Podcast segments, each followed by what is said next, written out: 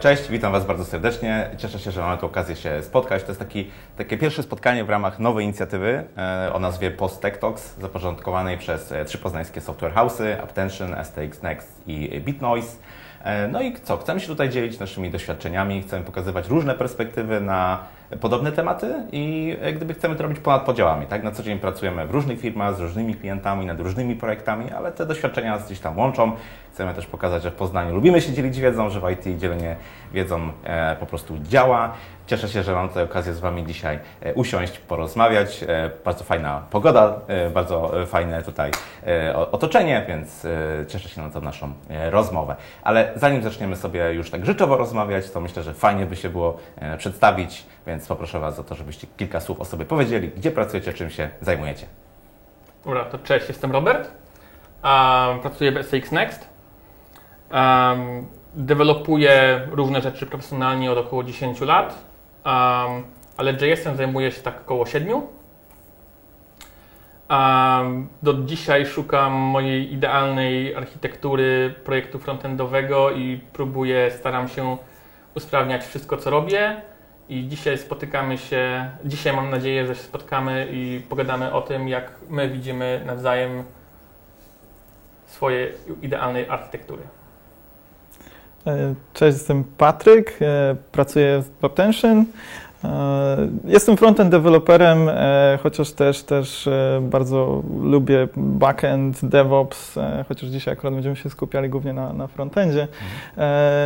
Jeśli chodzi o mój, mój start z Reactem, to, to był praktycznie od samego początku, więc, więc trochę tam na, na nim zjadłem. Czego zjadłem? Zjadłem zęby.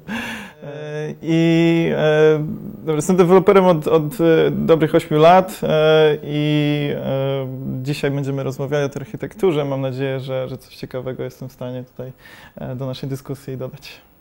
Łukasz, CTO i współzałożyciel BitNoise.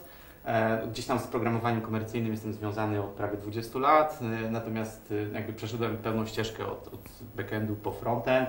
E, i dużo rzeczy widziałem, złych i dobrych na przestrzeni lat. E, gdzieś tam miałem okazję popracować i ze starymi rzeczami na froncie, jak jQuery.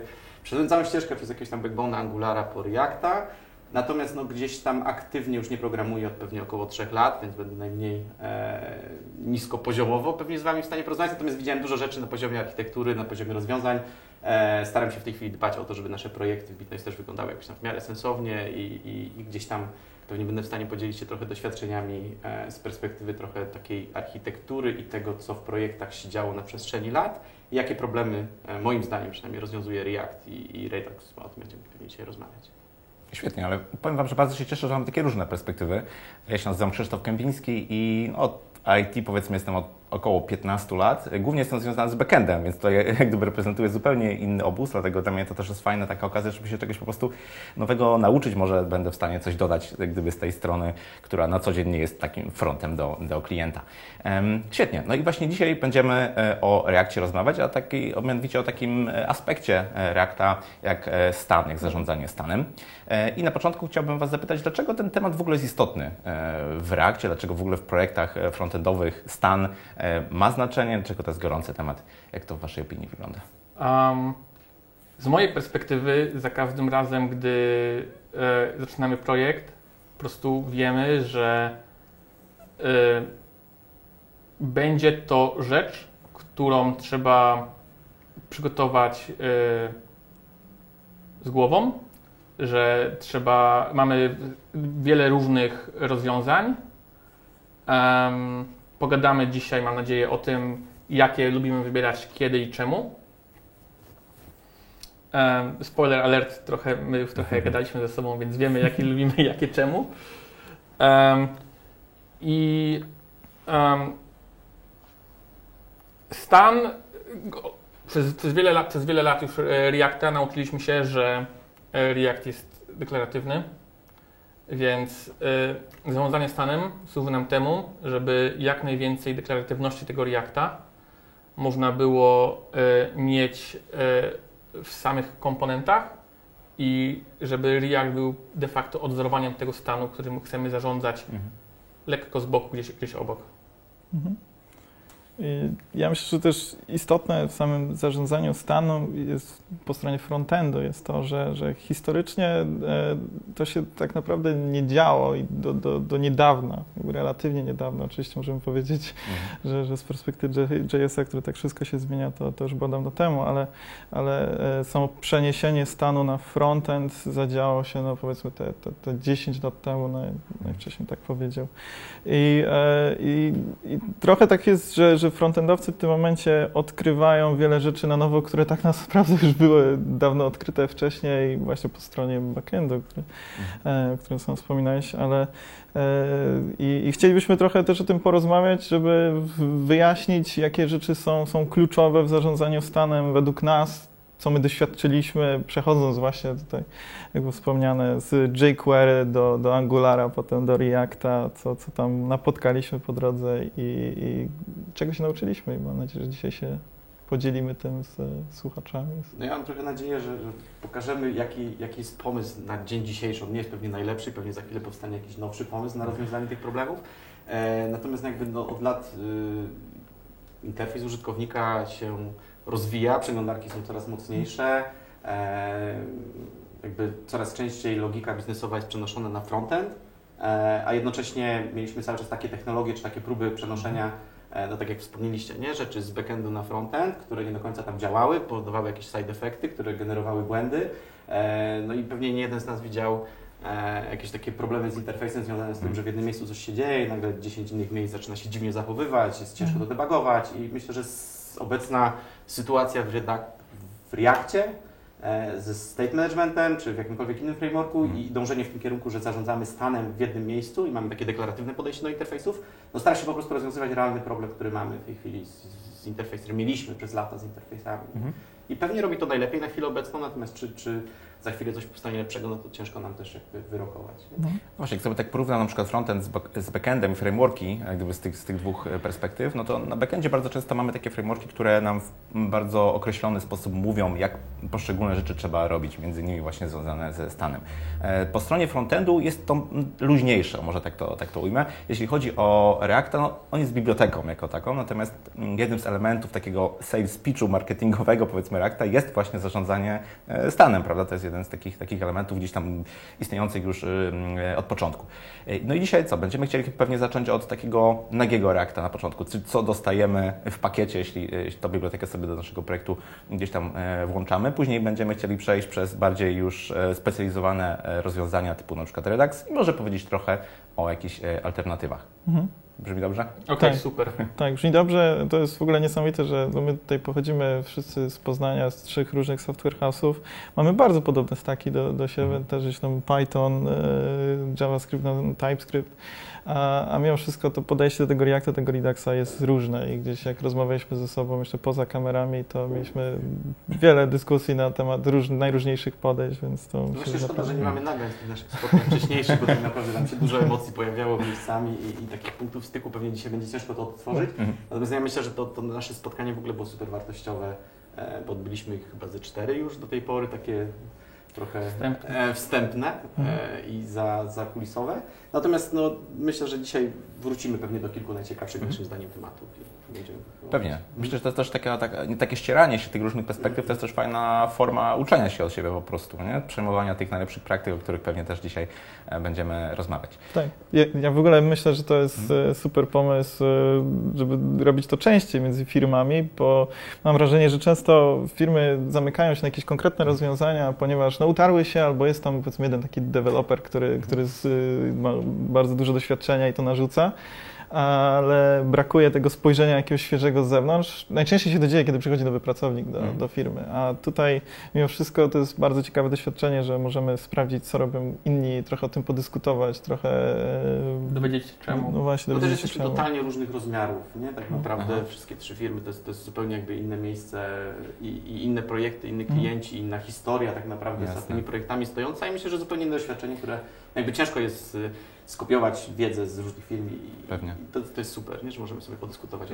Myślę, że te perspektywy też fajnie zderzać, bo na przykład macie do czynienia z takimi projektami, które no, są już takimi trochę brownfieldami, które istnieją powiedzmy ileś tam e, lat e, i, i te początkowe decyzje, e, no, trzeba z nimi żyć, trzeba w jakiś sposób e, je rozwijać, trzeba w jakiś sposób je kontynuować i potem fajnie się podzielić, co się sprawdza, co się, co się nie sprawdza, no bo wiadomo, dokumentacja mówi jedno, życie najczęściej e, drugie. To co, ja proponuję, żeby zacząć od takiego nagiego reakta. Jak tam, jak to wygląda, powiedzmy, zarządzanie stanem, jakie mamy problemy, co dostajemy, tak powiedzmy, out of the box. Okej, okay, więc generalnie faktyczne jest to, co powiedziałeś wcześniej. React jest biblioteką, z drugiej strony, samego nagiego Reacta można używać jako pełnoprawnego frameworka i wiele osób zaczynających y, z Reactem pewnie tak go używa.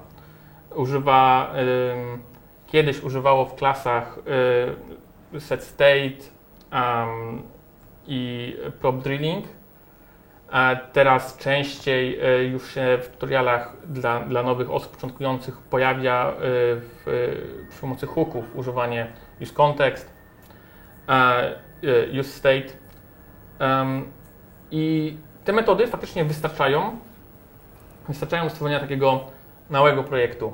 W momencie, kiedy chcę zrobić e, e, też koncept mojego projektu chwilę, chwilę obgadywaliśmy, czym, czym jest mój projekt. Więc da się zrobić prototyp nie używając żadnych narzędzi. używając po prostu tego, co. Ja, ja, się zaśmiałem przed chwilą, bo właśnie y, kwestia małego projektu jest, jest dość sporna. Zresztą ja nie, nie, uważam, że tak naprawdę coś takiego jak mały projekt ostatecznie istnieje, bo każdy projekt no, będzie inkrementalnie zwiększany i ostatecznie tym małym projektem przestanie być. Więc, więc trochę sądzę, że gdzieś tam już od samego początku, w sumie Robert też o tym wspomniał, że, że od samego początku o tym stajcie trzeba, trzeba myśleć. I, I, rzeczywiście React Out of the Box daje nam sporo rzeczy, które jesteśmy w stanie wykorzystać, żeby napisać aplikację, no ale zawsze jako programiści myślimy o tym, w jaki sposób to ulepszyć, żeby to było no, skalowalne na, na mhm. przyszłość, żeby można było nowe funkcje dodawać w dość prosty, szybki sposób z jak najmniejszą ilością e, błędów, które się pojawiają w trakcie. A wiemy, że w momencie, kiedy kod doprowadzimy do, do stanu spaghetti, do stanu e, powiedzmy nie, nie, niełatwo utrzymywalnego, no to błędy pojawiają się częściej i, i trudniej się to testuje i trudniej mhm. się z tym operuje. Znaczy, znaczy te błędy, o których mówisz, to spaghetti, o którym mówisz, mhm. to są um, główny powód tego, jak wygląda stan w Reakcie. Mhm. Czyli, że komponent, y, to co może wiedzieć o, o, o tym, gdzie się znajduje, jest stanem albo, który dostał z parenta, tylko z parenta, z kontekstu, albo z propsów, albo jest jego własnym stanem. I teraz um, to jest problem taki, że co w momencie, kiedy dwa różne komponenty w dwóch różnych miejscach drzewa w aplikacji mhm. chcą używać tej samej wartości. Mhm. Takim typowym przykładem jest w momencie, kiedy robimy logowanie w nagim Reakcie i chcemy używać um, użytkownika, obiektu użytkownika, żeby wyświetlić jego imię, imię i awatar, jednocześnie, żeby potem używać go w jakichś zapytaniach głębiej do backendu, na przykład w API. E, wciąż mówię, używając nagiego Reacta. Wtedy e, mm, ta informacja o tym użytkowniku musi iść dostatecznie na, na tyle wysoko, żeby mogło, mogła pokryć te dwa miejsca w drzewie. I to jest, to jest um, jeden z największych problemów, e, które, które spotykamy właśnie w tym nagim podejściu. Mhm.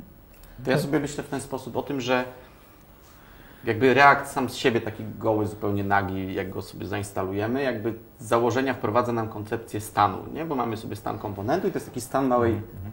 jakiejś encji elementu interfejsu, czyli rzecz, która która tak naprawdę jest zupełnie naturalna dla tej biblioteki, nie? no bo jakby to ustaliliśmy, to jest biblioteka bardziej niż framework. No i teraz w którymś momencie jakby czujemy, że mamy dwa takie elementy obok siebie, każdy z nich ma jakiś tam stan, no i w którymś momencie dochodzimy do, do, do, do sytuacji, w której to nam przestaje wystarczać, musimy zacząć to współdzielić ze sobą. No i teraz myślę, że to jest taki moment, i tu się chyba wszyscy zgadzamy, że, że każdy programista, nawet nowy, który wcześniej nie spotykał się, czy nie pracował z Reactem, dochodzi do momentu, kiedy zaczyna kombinować, nie? I zaczyna myśleć o tym, w jaki sposób współdzielić stan pomiędzy dwoma komponentami i naturalnym wyborem wydaje się być wypchnięcie tego wyżej, e, tym bardziej kiedyś jeszcze, zanim, zanim gdzieś tam się huki pojawiły i tego typu rzeczy. E, no i to doprowadza do sytuacji, w której tak naprawdę wszystko wypychamy na, na, na, na górę tej całej naszej struktury komponentów i, i próbujemy przepychać to w dół, co jest no, straszne w przypadku większych aplikacji czy, czy próby gdzieś tam zarządzania tym. Nie? I myślę, że e, rzecz, do której, do której ja się tu muszę przyznać, to, że zrewidowałem swoje myślenie o małej aplikacji, bo to takie jest w cudzysłowie mała aplikacja, o której rozmawialiśmy już wcześniej też e, i gdzieś tam mieliśmy tę dyskusję. Ja myślę, że jest, istnieje pewien rodzaj aplikacji, czy, czy takich projektów, czy typ, e, który może się obejść bez e, czegoś więcej niż czysty, czysty React, bo e, no, stanem może być coś więcej niż tylko state, jako taki w rozumieniu state managementu i będzie jaka to będzie biblioteka za tym stała. E, natomiast no, co do zasady, myślę, że, że jakby jest tak, że w którymś momencie wynika zupełnie naturalnie potrzeba tego, żeby użyć czegoś więcej, co pozwoli nam współdzielić stan pomiędzy elementami interfejsu. I, no i tyle chyba. Mhm. I Można to zrobić na kilka sposobów. Jednym z nich jest na pewno jakaś tam biblioteka do state managementu. Natomiast je- jedną rzecz tylko jeszcze chciałem dodać, że wydaje mi się, że najgorszym możliwym pomysłem dla kogoś, kto dopiero zaczyna, czy wchodzi gdzieś tam w Reacta, jest od razu zaczynanie z grubej rury i wchodzenie w jakieś biblioteki typu na przykład Redux, bo to może powodować Ciekawe. dużo problemów, przez to, że nie rozumiemy wtedy, z czego wynika potrzeba użycia tego state managementu. Ja bym chciał jeszcze tylko dodać, że w zasadzie trochę dużo o tym mówiliśmy, że to jest rzeczywiście problem, to współdzielenie danych pomiędzy różnymi komponentami w drzewie. Wciąż jest to możliwe, tylko jest e, do wykonania tak bardzo wprost. Czyli, Tak. czyli każdy komponent, który chciałby wprowadzić jakąś zmianę w stanie, no, robiłby to de facto sam, i, czy bezpośrednio. I jest to tak, no, imperatywny, bym powiedział, nie wiem, czy, czy dobrze to określam, ale e, no, prowadzi to do tego, że każdy komponent poza odpowiedzialnością renderowania widoku ma dodatkowo jeszcze odpowiedzialność modyfikacji e, rzeczy związanych z logiką biznesową. No i jak wiadomo, jesteśmy już gdzieś tam nauczeni tego od dawna, że nie jest to najlepszy pomysł, więc, więc stąd też e, wprowadzanie czegoś więcej, co, co pozwala nam dodatkowo stworzyć tą taką niebezpośrednią e, modyfikację stanu przez, przez no jakieś tylko odpowiedzenie, że coś się zadziało. Jasne. I ja uwielbiam, ja uwielbiam w ogóle to stwierdzenie, że mm, program, nowy programista powinien zacząć od nagiego Reacta, ponieważ um, React jest bardzo, bardzo prostą biblioteką w założeniach. Mhm. E, więc zrozumieniem konceptów, które nim rządzą, zrozumieniem tego, jak, w jaki sposób React opakowuje, czy tworzy swoje komponenty, e, w jaki sposób dzieli się, się nimi danymi, da na pewno większy, szerszy kontekst, pozwoli szerzej zrozumieć takiemu nowemu programiście, co się dzieje w jego aplikacji. Także po tym, jak będzie używał innych, bardziej zaawansowanych konceptów, innych bibliotek, y, innych zarządzania stanem na przykład. Więc to uwielbiam. Natomiast jeszcze może jedną rzecz, którą chciałbym poruszyć, to rozwinąć koncept naszej małej aplikacji, bo to, o czym dyskutowaliśmy, to jest kiedy pojawia się potrzeba wzmocnienia stanu. Bo są, są takie aplikacje, które są de facto landing page'ami, Hmm. które w założeniu służą tylko i wyłącznie do wypisania czegoś na ekranie i y, są w kontekście zrób zapomnij. Jednak czasami ten kontekst zrób zapomnij będzie rozwijany dalej. Niestety. Dlatego też em, w przypadku e, takich profesjonalnych projektów em, mimo wszystko staram się użyć jakiegoś prostego startera z, React, z, z Reduxem w moim kontekście. E, w razie czego e, użyję go do bardzo prostych zastosowań, ale nie zwiększy to tak naprawdę mojego obłożenia. W przypadku projektów takich em, do kanapy, gdzie próbuję coś sprawdzić, Mhm. do, do szuflady. Em, takiego mm, w przypadku programisty, który po prostu chce, chce się czegoś nauczyć, niekoniecznie taka mała aplikacja dla siebie, niekoniecznie musi używa, używać Reduxa. Więc, więc są różne konteksty i nie, nie zawsze, więc nasz kontekst małej aplikacji, który już przedyskutowaliśmy, polega na tym, że rozumiemy to trochę szerzej.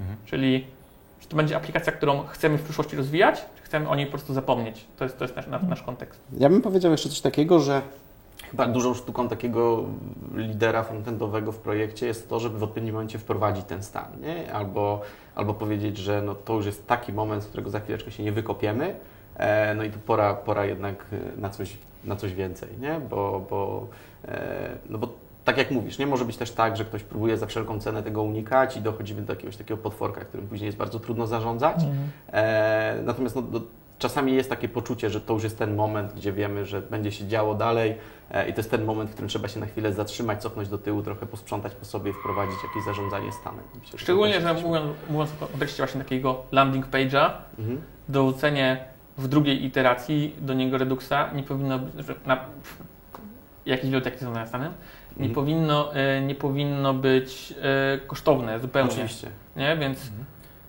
e, po prostu trzeba mieć z jednej ins- strony insight, tak. insight na to, kiedy, kiedy to zacząć robić. Z jednej strony tak, jakby też uczestniczyłem w takich projektach, czy prowadziłem takie projekty, które rzeczywiście tego stanu nie dodawaliśmy, chociażby jakimś Gatsbym, tak, czy tam landing page.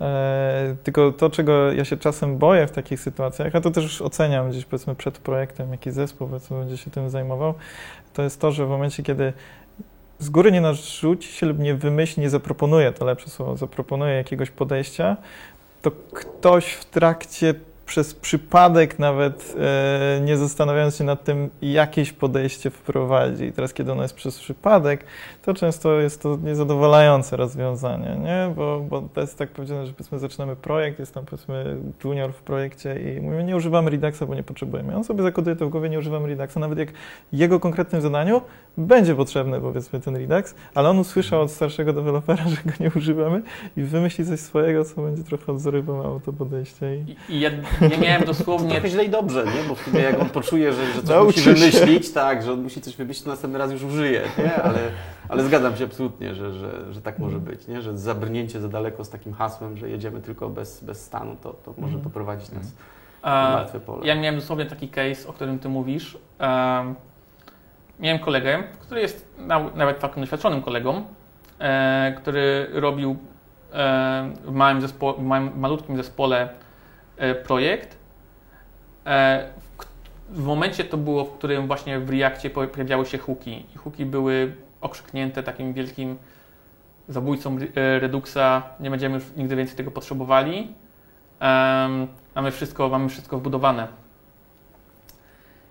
I e, ten mój kolega właśnie próbował w tym momencie ten projekt w ten sposób prowadzić, zgodnie z powiedzmy wytycznymi, z pomysłami guru e, reaktowych na, tam, na tamten moment.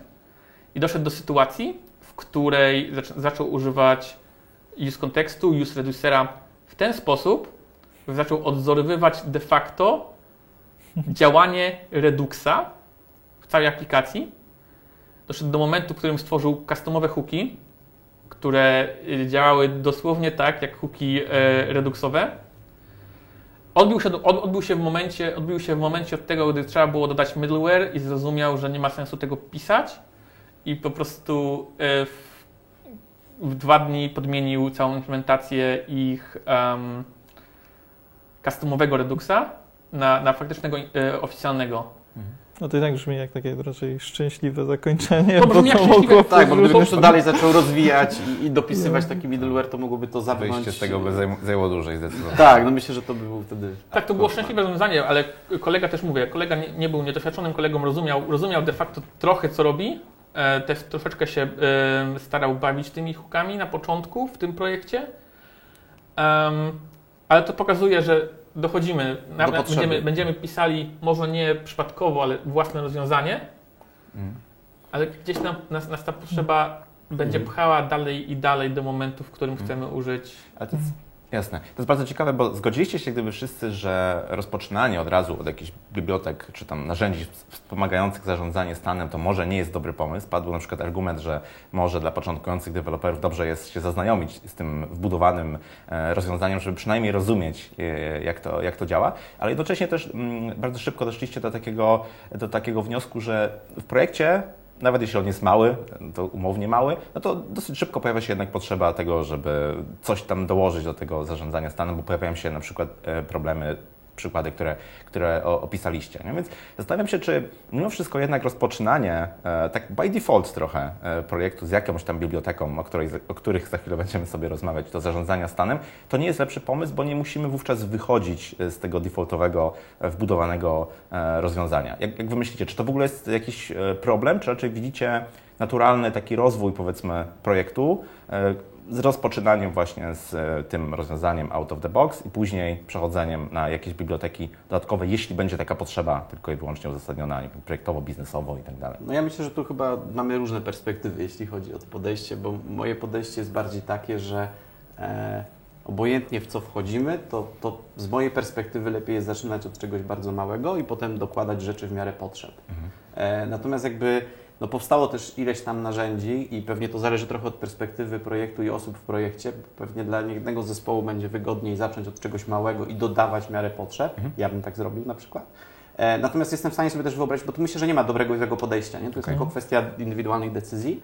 E, jeżeli komuś jest wygodnie zaczynać od, od, gotowego zestawu, czy od nawet firmowego boilerplate'a, czy od jakiegoś e, tam, nie wiem, toolkitu i tak dalej, to jest też ok, tylko trzeba być świadomym tego, co się mhm. dzieje pod spodem i, i myślę, że to, to znowu, nie, to nie jest tak, że jest dobrze lub źle. Myślę, mm. że mhm. po prostu to jest kwestia, Inaczej. co zadziała dla danego zespołu. Bo, bo, myślę, że to nawet nie jest kwestia projektu, tylko zespołu i ludzi w zespole. Okay, nie? Bo okay. chyba najgorsza możliwa sytuacja może być taka, że ktoś z góry powie, że lecimy z gotowym boilerplate'em, bo sobie go wypracowaliśmy i używamy mm. i tak dalej. No i teraz dostaje go zespół, który tak nie do końca wie, co tam się dzieje, nie do końca wie, czy to okay. potrzebuje, natomiast cały czas starają się utrzymywać codebase, który jest za duży. mają inne. Tak, tak, tak, tak. Także no myślę, że to tak z mojej perspektywy. Nie? Ja, ja jestem zwolennikiem bardziej takiego podejścia, że zaczynamy mało, a w miarę potrzeb okay. dokładamy, ale świadomie i, i, i, i, jak potrzebujemy. Ja się z tym zgadzam w 90%, yy, bo znajdź swoje potrzeby, nie? Yy, w momencie, kiedy faktycznie chcemy zrobić yy, landing page na Gatsby, jasne, nie ma problemu, nie? Natomiast yy, dochodzą, w momencie, kiedy już startujemy projekt, mniej więcej będziemy znali jego skalę, będziemy znali jego potrzeby, będziemy znali wiedzieli w jaki sposób nawet ten zespół będzie pracował. E, I biblioteka do zarządzania stanem to jest coś, od czego bardzo, bardzo mocno się zaczyna. No, my piszemy, mm. piszemy bazowe style, piszemy, piszemy kontener i dowódcamy, dowódcamy w międzyczasie. Zgadzam się z Tobą, natomiast wydaje mi się, że e, pierwsze zdanie było fałszywe, nie? W sensie, że wiesz z góry, co będzie dalej. Myślę, że to się zdarza, powiedzmy tam, nie wiem, w 80% projektów. Ale jakąś charakterystykę, że to będzie no, projekt sasowy. Tak, tak, no tak, oczywiście, jak najbardziej. Natomiast jakby... Pierwsza wersja jest mniej więcej określona. Tak, ale wiesz co, wydaje mi się, że te 20, że okej, okay, powiedziałeś, że się zgadzasz tam w 90%, ja myślę, że te 10% to będą takie projekty typu, nie wiem, jakiś proof of concept, jakieś szybkie MVP, jakiś test, jakieś sprawdzenie jakiejś funkcjonalności, E, możesz mieć projekt, w którym chcesz gdzieś tam do storybooka jakieś komponenty tylko porobić. Ja myślę, że jest jakaś tam pula pewnie rzeczy, w których no, będziesz utrzymywał kawałek y, codebase'a, który jest nadmiarowy. Nie? Ja nie mówię, że to jest złe, nie? tylko jak robisz to świadomie, jest spoko. Znaczy, no wiadomo, zależy co, co chcesz osiągnąć. Jeżeli mówisz, że masz bibliotekę komponentów mm. do storybooka, nie? to tym kontekście nie powinna Ci się pojawić jeszcze w ogóle myśl o stanie międzykomponentowym. Tak, tak, tak, tak, absolutnie. Dlatego mówię, że, że jakby ja preferowałbym takie podejście, w którym wiesz, dodajesz rzeczy jak potrzebujesz, natomiast no, zgadzam się absolutnie, jeżeli masz wymagania projektu i wiesz, że on będzie rozwijany, to głupie jest startować od, od, od czegoś tak, wiesz, od małego i dokładać, no bo jakby z góry wiesz, co, czego się spodziewasz, nie? Ja mam jeszcze w sumie jedną trochę dodatkową jakby rzecz do tego, bo, bo trochę bardziej stronie po, mhm. po, stronie Roberta powiedzmy w tej, tej kwestii, że rzeczywiście z takiego większego boilerplate'u wystartować przynajmniej dla mnie jest y, zazwyczaj trochę lepiej. Oczywiście zgadzam się, mhm. że są projekty, w których z góry wiemy, że no to jest jakby overkill, nie używamy. E, z tym, że ja myślę sobie też z takiej perspektywy organizacji, nie? Bo gdzieś tam też jestem odpowiedzialny za, za, za gdzieś tam rozwój, dbanie o stack technologiczny organizacji, w sumie tak jak mhm. wy. No. I e, to, na czym mi zależy, to jest to, że my, będąc software house'em, mamy projekty, które są często podobnej charakterystyce, mhm. I zależy mi na tym, żeby stack technologiczny był na tyle podobny, a boilerplate jest mhm. sposobem na, na powiedzmy takie trochę zadbanie o to, e, że deweloper, który właśnie przechodzi z jednego projektu do drugiego, e, środowisko, w którym się obraca, w którym, w którym działa, jest bardzo podobne do niego, Mhm. jedno do drugiego. Jakby dlatego myślę, że zaczynanie z takiego boilerplate'a firmowego, który ma w sobie dużo dobrych praktyk po, pokonfigurowanych e, i powiedzmy strukturę folderów, poinstalowane Mhm. biblioteki, które gdzieś tam powiedzmy są te podstawowe i dla nas najważniejsze, no to, to właśnie trochę do tego prowadzi, nie? że zmienia Mhm. projekt i to wygląda prawie tak samo. I mówię, kurczę, no nie muszę się w to wdrażać jakoś niesamowicie, nie? To to jest kwestia tego, czy tych boilerplate'ów firmowych jest jakaś masa i wtedy rzeczywiście za, powodują zagubienie deweloperów, ale jeśli jest, powiedzmy, całe społeczeństwo deweloperów w firmie trochę dba o to i, i, i rozwija, a trochę do tego też dążymy e, w Uptension, to, to ostatecznie właśnie jak zaczyna się taki projekt na tym boilerplate, to ok, można usunąć parę rzeczy, Mhm. ale praktycznie każdy deweloper frontendowy, backendowy jest na tyle zaznajomiony z tym, że nie powoduje to jakiegoś e, tam, tam e, problemu w większości tego. Tylko, że to niesie też ze sobą pewne konsekwencje, nie? Mhm. Czyli jeżeli tam są jakieś błędy lub rozwiązania, które nie są ok, to jakby są powielane, nie? Więc ja bym był ostrożny z takim podejściem Mhm. i zgadzam się, że to jest super, jeżeli ileś tam osób o to dba, Mhm. natomiast wydaje mi się, że też może być, e, można dojść do takiej sytuacji, że jakby Mhm. powielanie czy kopiowanie pewnych rozwiązań trochę zamyka głowę na nowe rozwiązania e, i, i czasami lepiej jest, wiesz, nawet jeden projekt na, raz na jakiś czas zrobić w taki sposób, w który dobierzesz narzędzia do, do, do czystego Reacta, chociażby tro, po to, żeby trochę poeksperymentować, nie? Zobaczyć, co nowego Mhm. się pojawiło, e, ale zgadzam się, że jakby z perspektywy utrzymania projektów czy, czy zmieniania deweloperów w zespołach, no pewnie wygodniej No i jest. szkoleń i, też, nie? Nowych. Zdecydowanie, tak. Jeżeli ktoś wchodzi do firmy i nagle e, zaczyna jakieś nowe rzeczy tworzyć i to, to, to nie jest najlepszy pomysł, nie? Ale Natomiast...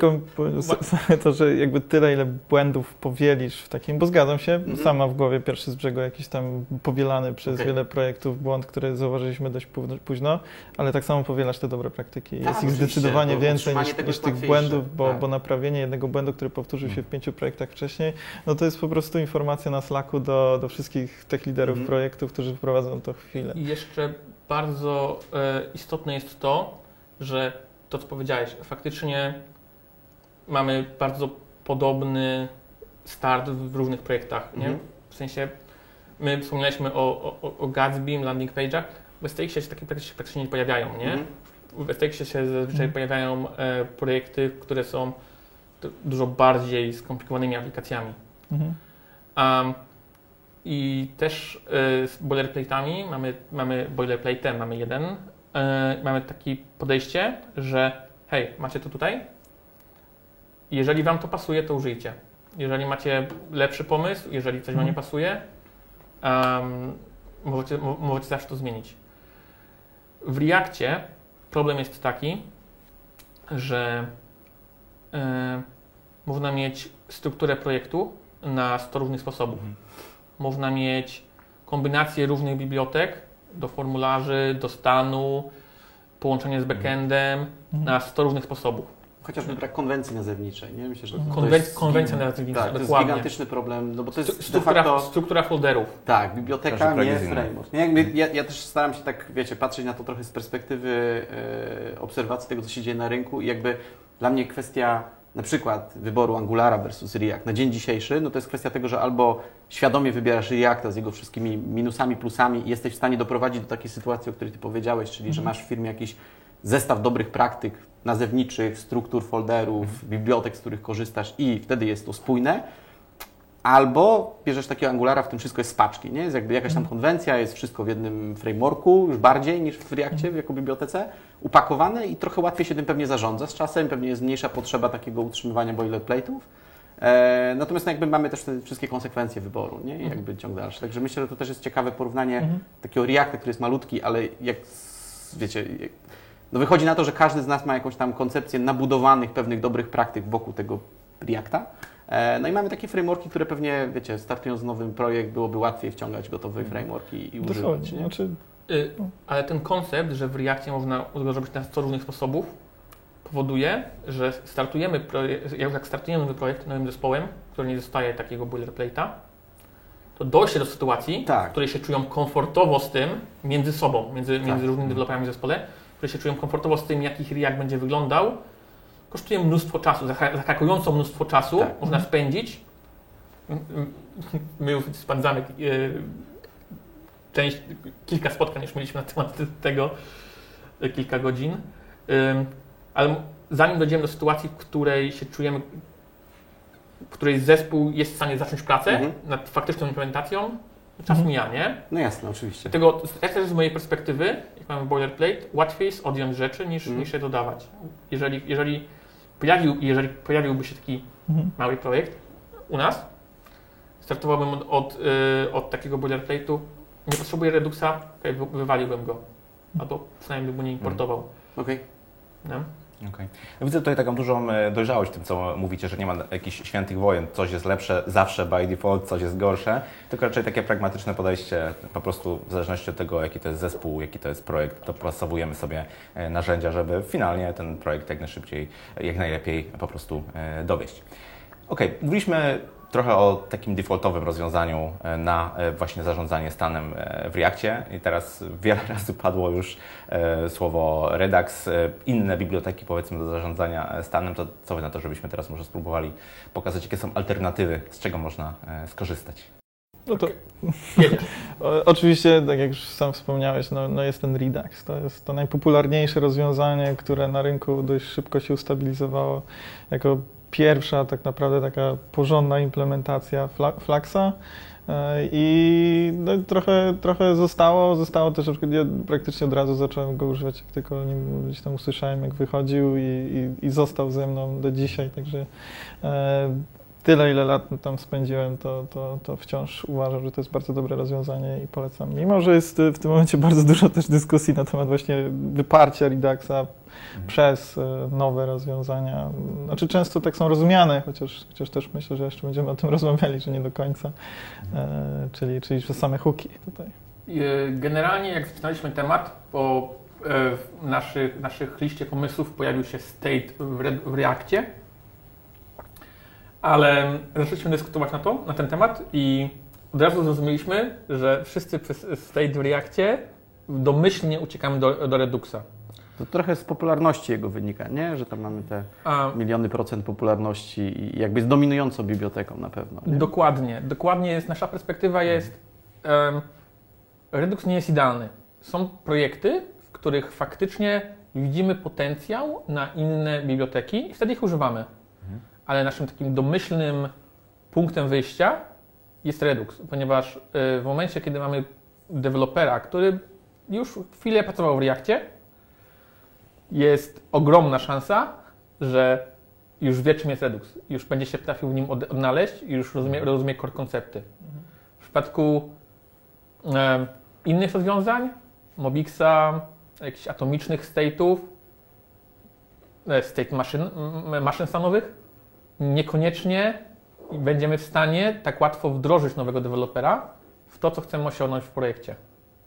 Czy to nie jest też jakaś taka pułapka, e, że tutaj właśnie było, była też rozmowa o tym, że kiedy dołączają nowi deweloperzy do zespołu, zazwyczaj wnoszą jakąś taką nową krew, nowe, nowe doświadczenia i, i jest szansa, że jakaś nowa wiedza napłynie do, do, do zespołu. Nie? Oczywiście ja rozumiem ten argument, że znamy już tego, tego Reduxa, więc go stosujemy w kolejnych projektach, no bo zmniejszamy gdzieś ten początkowy etap, powiedzmy, rozpoznania na przykład biblioteki. Ale czy tutaj nie ma, jakiejś takiej, nie ma jakiegoś takiego ryzyka, że ten Redux z nami pozostanie, bo go znamy, ale na przykład nie jest najlepszym rozwiązaniem? Co, ale mi się wydaje, znaczy mi się wydaje, e, jestem przekonany, że jakby główny problem, z jakim, e, jaki jest gdzieś tam zarzucany Reduxowi, jest taki, że on jest jakiś, nie wiem, trudny, skomplikowany, a tak naprawdę to jest prosta biblioteka, która ma ile? 4-5 metod, nie? Tam, czy funkcji. E, I to jest czysty JavaScript, który tak naprawdę nie robi żadnej magii, e, daje Ci proste narzędzia, proste funkcje, używaj ich jak chcesz, gdzie chcesz, a to, że on jest popularny, wynika z tego poniekąd, że on jest prosty. Trochę obraz zaciemnia połączenie go z Reactem i często ludzie zaczynają trochę ze złej strony, e, moim zdaniem, bo tak naprawdę jak go widzisz w projekcie Reactowym, to on się wydaje skomplikowany, że dzieje się jakaś magia, że on się gdzieś tam podłącza pod komponenty i tak dalej. Natomiast on sam w sobie jako biblioteka no jest super prosty, tak naprawdę można by go sobie napisać e, i, i używać, po prostu narzuca pewną konwencję nazewniczą, e, daje gotowe funkcje w czystym JavaScriptie, z których możesz korzystać. Więc ja myślę, że to powinno być sprzedawane jako taki główny argument My- za wybieraniem go. My zaczęliśmy od argumentu Redux, bo jest popularny. Aczkolwiek to jest w sumie nasz, nasz, nasz koncept, czyli na, nasz światopogląd w tym momencie, ale trzeba, musimy jeszcze wyjść od, od argumentu nothing is wrong with, with Redux. Mhm. A mówimy, że powstają nowe biblioteki, które próbują go quote, quote wyprzeć, pojawiają się nowe pomysły. One e, de facto osiągają to samo, co możemy osiągnąć w Reduxie. Minimalnie, minimalnie różnią się em, założeniami. Em, dlatego y, nie ma aż takich mocnych jeszcze kontenderów do tego, żeby wyprzeć Reacta. Ludzie go używają. Jest popularny, bo jest dobry. Po prostu. Reduxa. Y, y, Reduxa, tak. To A z Reactem to pewnie tak samo myślę, że działa. jest tak samo. Reactem jest bardzo podobnie. No. Um, Ja myślę, że jeszcze moglibyśmy się chyba cofnąć na moment i, i powiedzieć, dlaczego w ogóle Redux, nie? Że, że co on tak naprawdę robi, bo nie wiem, czy chcemy założyć, że, że wszyscy, którzy to Tak, oglądają czy słuchają, już wiedzą, czym, czym, czym jest Redux. E, ja myślę, że chyba warto, żebyśmy w dwóch zdaniach... Wspominając trochę tą popularność, prawdopodobnie. Tak, no założyliśmy, że wszyscy wiedzą, Tak, natomiast to no, w skrócie to jest tak tak. naprawdę biblioteka, która pomaga e, w jakiś tam sposób e, robić dwie rzeczy, czyli e, z jednej strony trzymać stan globalnie, z drugiej strony daje nam kilka funkcji, które pozwalają wysyłać do Reduxa, dispatchować eventy i reagować na nie jakimiś zmianami stanu. I tyle. I chyba, chyba jesteśmy zgodni. Że... A, i przepraszam, jeszcze mamy middleware, nie? I to jest tak naprawdę chyba największy feature, który nam daje Redux tak naprawdę z paczki, bo pewnie to by było najtrudniej do zaimplementowania. Ale ostatecznie też jest Ostatecznie też jest de facto tak, tak, tak, się tak. event. Tak, tak. Akcje. e, jeszcze Dobrze, ja, ja Sorry. chciałem się jeszcze odnieść też do, do pytania, e, które zadał Krzysztof, czy właśnie tutaj nie tworzy się takie e, to, to, to echo, że w momencie, Mhm. kiedy e, jest popularny Redux i my używamy go i nowi przychodzą pracownicy, to trochę przeczy temu, temu wpływowi świeżości. E, tak naprawdę troszkę tak, ale z drugiej strony sam w Optention gdzieś jesteśmy też na tym etapie w tym momencie, żeby e, może patrzeć w stronę alternatyw, e, wykorzystanie relaya na przykład, e, bo często, często jest tak, że w projektach e, rola Reduxa e, jest dość ograniczona i często jest wykorzystywana jako po prostu store danych pobranych z backendu. I, Mhm. i tutaj pojawiają się też alternatywy, czy już pojawiła się tam React Query, jest, jest właśnie Relay i, i e, kilka innych podobnych. I, I może w tej sytuacji właśnie, kiedy przychodzą ci nowi deweloperzy właśnie, kiedy też mają doświadczenie w tych innych, są w stanie Mhm. jednak też zaproponować alternatywne podejścia i, Jasne. e, Mhm. mimo że jest najpopularniejszy, to, to ludzie eksperymentują z innymi. Mhm. Faktem jest to, że em, modern JavaScript jest e, strasznie młodym językiem w porównaniu do całości ekosystemu programistów. A de facto programujemy w ten sposób, jak programujemy od jakichś 10 lat. I e, wciąż uczymy się, co jest, e, co, co, co jest, jakie metodyki są najlepsze. Mhm. Dlatego mimo, że nasza tutaj trójka ma wspólną też jakąś wizję tego, że najłatwiej jest nam zacząć projekt na re, re, Reduxie, to wciąż szukamy nowych rozwiązań i wciąż szukamy sposobów, jak usprawnić nasze, nasze za- zarządzanie stanem. Mieliśmy kilka dyskusji, sądzę, że do tego dojdziemy też y, w trakcie y, dzisiaj, na temat tego, że w sumie używamy różnych ciekawych bibliotek, które nas, wspierają, różnych między sobą, mam na myśli, y, które powodują, że zupełnie inaczej wykorzystujemy inne możliwości Reduxa na, na, na inne sposoby. Więc y, tam też jest duży, w samym Reduxie jest ogromny potencjał do nauki, do nauki tego, co jeszcze można w nim osiągnąć i w jaki sposób jeszcze można dojść do fajnych efektów. Ja myślę, że to jest tak, że chyba Redux jest co do koncepcji, to chyba się też pewnie zgodzicie ze mną, że co do koncepcji on jest bardzo podobny do Reacta na takim metapoziomie, czyli on Ci daje bardzo prostą rzecz, proste narzędzia w formie dosłownie kilku tak naprawdę zaimplementowanych funkcji i rób co chcesz, nie? I teraz jakby no, konsekwencje, rzeczy. tak, dodaj swoje rzeczy, używaj tego, ale jakby nie narzuca Ci ani konwencji nazewniczej, ani nie narzuca Ci nazewnictwa plików, ani nazewnictwa, nie wiem, folderów, czy, czy jakby struktur. Tak naprawdę możesz z tym zrobić wszystko. I znowu podobnie jak z Reactem, nie? Ja myślę, że to jest jakby siła tego jest, yy, wynika trochę, trochę z tego, że mamy dużą elastyczność. Z drugiej strony pewnie jest to wyzwanie i, i, i pewnie jest tak, że jakby każdy z nas ma jakiś tam koncept, pomysł na to, jak to poukładać, żeby to miało ręce i nogi i żeby wszyscy pisali w miarę spójnie w projektach, żeby tam się nie wydarzały jakieś dziwne rzeczy. Ale jakby co do zasady jest to no, relatywnie prosta biblioteka robiąca robotę i, i, i tyle. Nie? I jakby trochę jest- nam pomaga zarządzać side effektami w UI-u. No i To jest niesamowite ogólnie, myślę, że w świecie developmentu, programowania, e, że ja, ja prowadzę rozmowy rekrutacyjne, myślę, że Wy też, e, to dosłownie każdy, kto przychodzi, inaczej tego Reduxa Tak. wykorzystywał. Lepiej lub gorzej, można Mhm. też, też, to w sumie fajne doświadczenie prowadzenia rozmów rekrutacyjnych, można się nauczyć wiele rzeczy też z zewnątrz, to, to co inni robią inaczej i trochę czerpać z tego, więc to e, jak najbardziej masę różnych rzeczy da się robić w samym Mhm. Reduxie. Jasne. Poniekąd jest to związane z tym, co powiedział Łukasz, czyli że, że to Mhm. jest Ta prosta, dostatecznie I- i- prosta biblioteka. Z naszego, z naszego punktu widzenia e, mówimy, jest proste, cztery metody. E, w- z punktu widzenia takiego dewelopera, który faktycznie podchodzi do Reduxa, wydaje mi się, że Redux jest bardzo overwhelming. Mhm. Teraz może już troszeczkę mniej, w momencie kiedy to połączenie Re- e, React Redux jest, jest łatwiejsze. Kiedyś było dużo więcej magii, używając map state to props i tak dalej. Tak, to jest No, ale to wyglądało jak skomplikowanie. Tak, ale to wyglądało jak skomplikowanie całej sytuacji. Nie? Mhm. Natomiast wydaje mi się, że najsensowniejszą drogą do tego, żeby w ogóle pierwszy raz dotknąć Reduxa, jest napisanie sobie prostego, jednoplikowego wywołania, które ci wciągnie te metody, utworzenie state'u, wywołanie jakiejś akcji zobaczenie, czy ci się stan zmienił.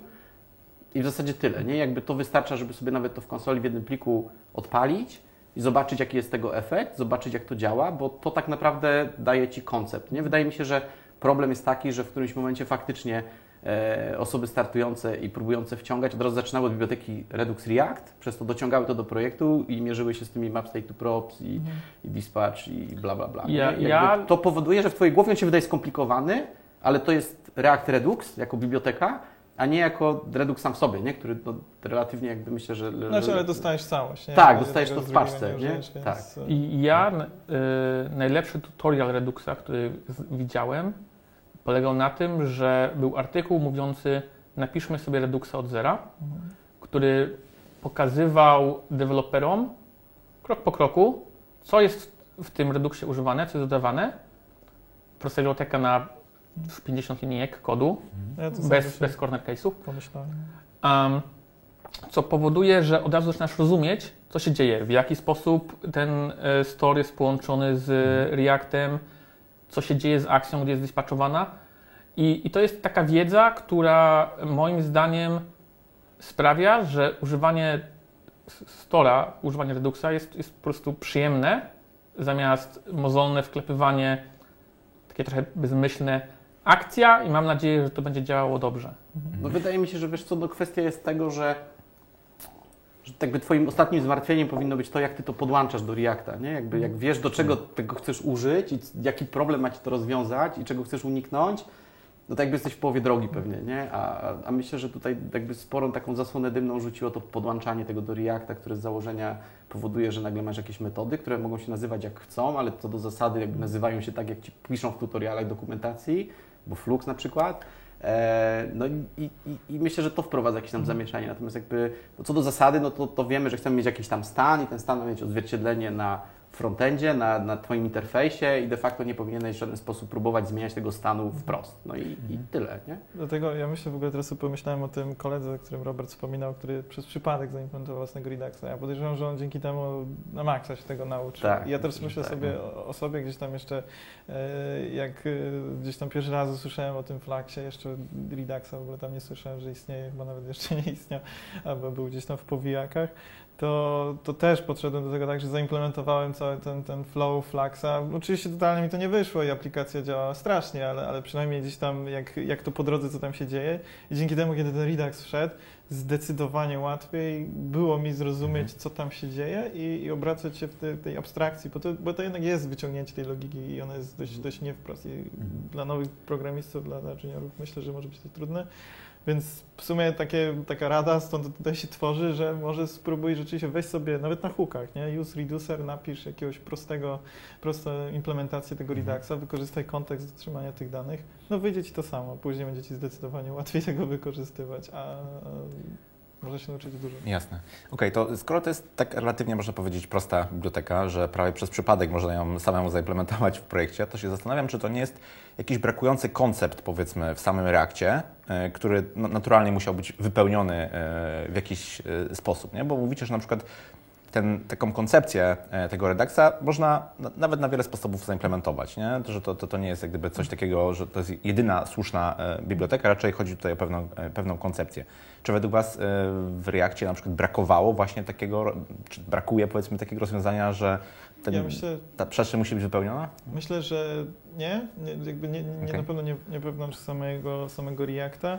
To trochę z samego założenia, jak sobie myślę o tych pierwszych dniach. Ja zresztą e, też wspominałem chłopakom, cały czas mam w głowie tą prezentację, w której gdzieś tam został zaprezentowany światu React i równocześnie został zaprezentowany też, też Flux. I, e, I Flux to jest właśnie ta, ta, ta architektura, która która została zaimplementowana poniekąd za pomocą Reduxa, trochę tą z drobną różnicą, ale e, ostatecznie też twórcom Reacta chodziło o to, żeby jednak była ta dowolność, żeby nie zamykać się na ten, ten jedno Mhm. podejście, ponieważ sami nie wiedzą, co ludzie wymyślą. No i tego używali wewnątrz w Facebooku i, i tak w sposób e, im to wychodziło, ale chcieli zobaczyć też, co zrobią ludzie. I pamiętam, że, że jak wyszedł e, Redux, to, to, to też poszło gdzieś tam po, po wewnętrznych kanałach Facebooka i wszyscy byli niesamowicie zadowoleni, co z tego wyszło, nie? Mhm. Więc, więc gdyby oni zawarli to wewnątrz Reacta, myślę, że mógłby ten Redux albo nie powstać, albo później, albo po prostu nie, nie, nie Okej. być taki popularny, powiedzmy. Ja myślę, że stracilibyśmy chyba największą zaletę Reacta, nie? czyli to, że on jest tak naprawdę tak bardzo... Nie?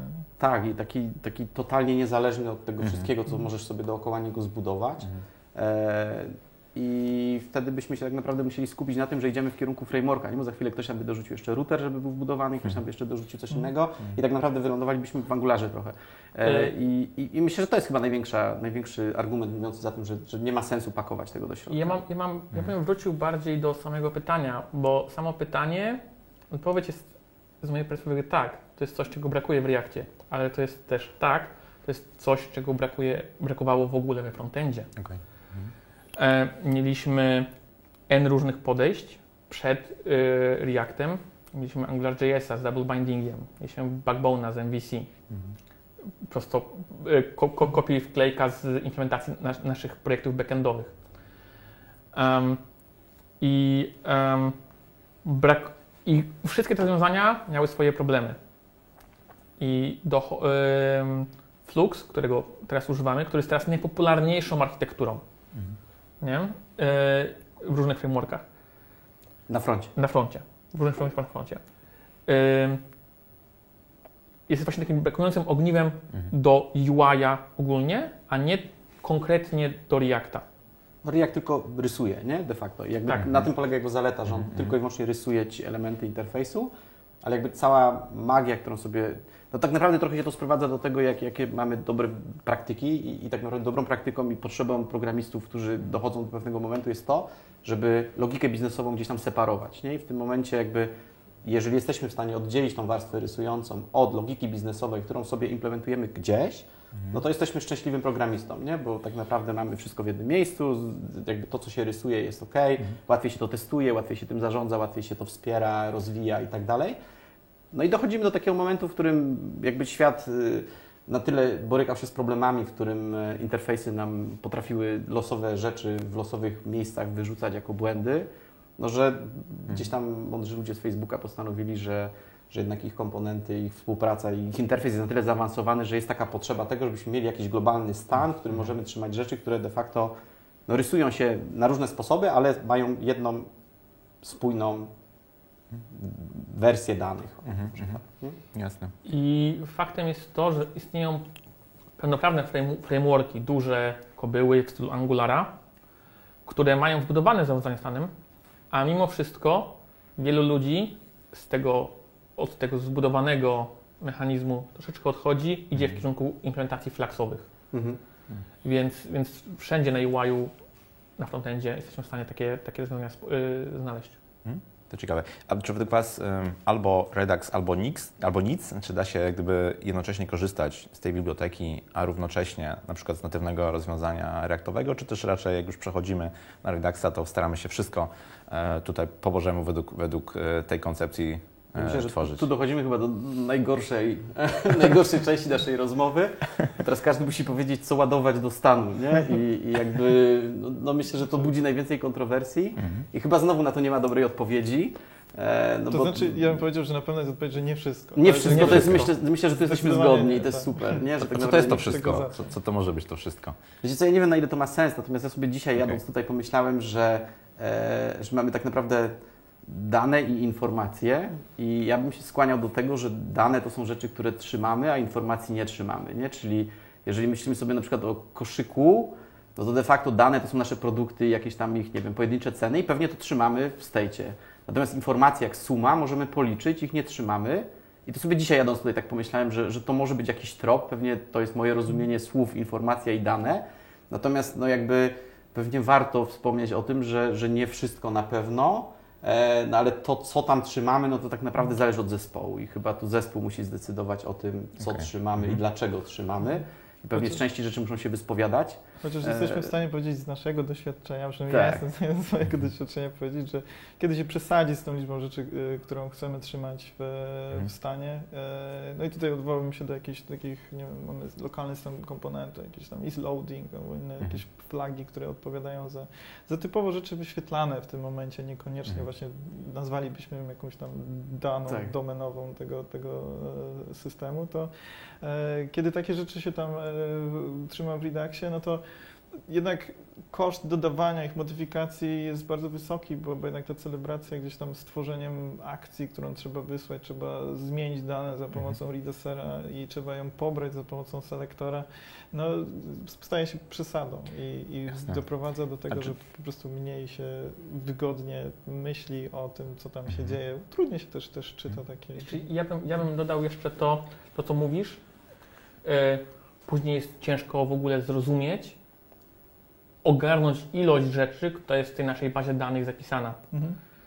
I z mojej perspektywy są e, rzeczy w aplikacji z, e, z punktu widzenia komponentu, które są moje, które służą do tego, że okej, ja, ja jestem kolapsem, tabem, jestem rozwiniętym, przełączonym tabem, albo są kontekstem em, biznesowym, ko- kontekstem Mhm. całej aplikacji, na przykład użytkownik. Y, I, I tutaj widzę bardzo mocne rozgraniczenie tego, co trzymamy w storze, a, a co nie. I em, jeżeli ktoś się jeszcze mnie pyta, to takim moim sta- standardową odpowiedzią, to jest bardzo oczywiście mm, okrojona, e, jest w momencie, kiedy odświeżysz przeglądarkę, klikniesz F5, e, to, co chciałbyś, żeby ci się pojawiło na ekranie, powinno być w stanie. Mm, Okej. A czy to jest tylko takie dodatkowe, powiedzmy, obciążenie dla projektów w rozumieniu dla deweloperów, którzy muszą chociaż wypisać dodatkowe funkcje, nie wiem, w ogóle pamiętać, jak te rzeczy są powiązane, czy też, no, myślę tutaj takiej perspektywie użytkownika performanceowej, powiedzmy, tak? Czyli im więcej rzeczy tam pakujemy tego stanu, to tym niestety y, ten UI frontend jest, nie wiem, wolniejszy, potrzebuje więcej czasu na, na, na, na przeliczenia, komputację, tak? Jak to z Waszej perspektywy wygląda? Może być, ale nie musi. Ja myślę, To- że to jest kwestia trochę świadomości tego, co tam ładujesz, nie? I, i Mhm. tu chyba też jesteśmy zgodni i jakby co do zasady, myślę, że to jest fajne, co powiedziałeś o tym, że chcesz odświeżyć i mieć tam te rzeczy, no bo to jest takie trochę myślenie o tym na zasadzie, że jak nie musisz, to nie wrzucaj. I, i myślę, że to jest taka, taka trochę złota odpowiedź. Natomiast no jak we wszystkim pewnie można przesadzić i jeżeli odpowiednio obciążysz ten, ten stan. W tej- no to doprowadzisz do, do, sytuacji- do mało takiego wydajnego W tej interfejsu. sytuacji Znaczy- powiedziałbym to w zasadzie, co zazwyczaj powinno się mówić, przynajmniej moim zdaniem, przy, przy performanceie, czyli no nie myśl o nim za dużo, aż nie musisz o nim myśleć. Nie? To jest Mhm, takie, No takie taki overengineering że- jest przesadzony, nie? że w- kiedy rzeczywiście pojawiają się te problemy z performancem, które no gdzieś tam w moim doświadczeniu z Reactem póki co no nie kojarzę jakiejś większej sytuacji, w której rzeczywiście musiałbym akurat powiedzieć, o to Redux i za dużo rzeczy tam jest, Mhm, raczej, raczej się mhm. nie zdarzało. E, a, ale no, na pewno jestem w stanie sobie wyobrazić, że jest to możliwe. No, gdzieś tam, jakbym poszedł do domu, teraz otworzył kompa Mhm. i zaprogramował coś, co, co spowoduje siłę, zwolnienie Reduxa. No byłbyś w stanie to byłbym zrobić, w stanie. Da się, Tak. da, da, da to Raczej się to nie dzieje. Mhm. Ogólnie e, w Reduxie można trzymać miliony obiektów bez spadku wydajności. Mhm. Oczywiście pamięć będzie jakimś tam limitem zawsze. E, Natomiast kwestią performance'u w Reduxie będzie to, w jaki sposób te milion obiektów e, będziesz ustruktury- jak, jak, jakie drzewo jest ustrukturyzujesz Mhm. i w jaki sposób będziesz e, je potem modyfikował. I tutaj, tutaj jest e, duży koszt performance może się pojawić, a nie w samej ilości rzeczy, które tam jest. Mhm.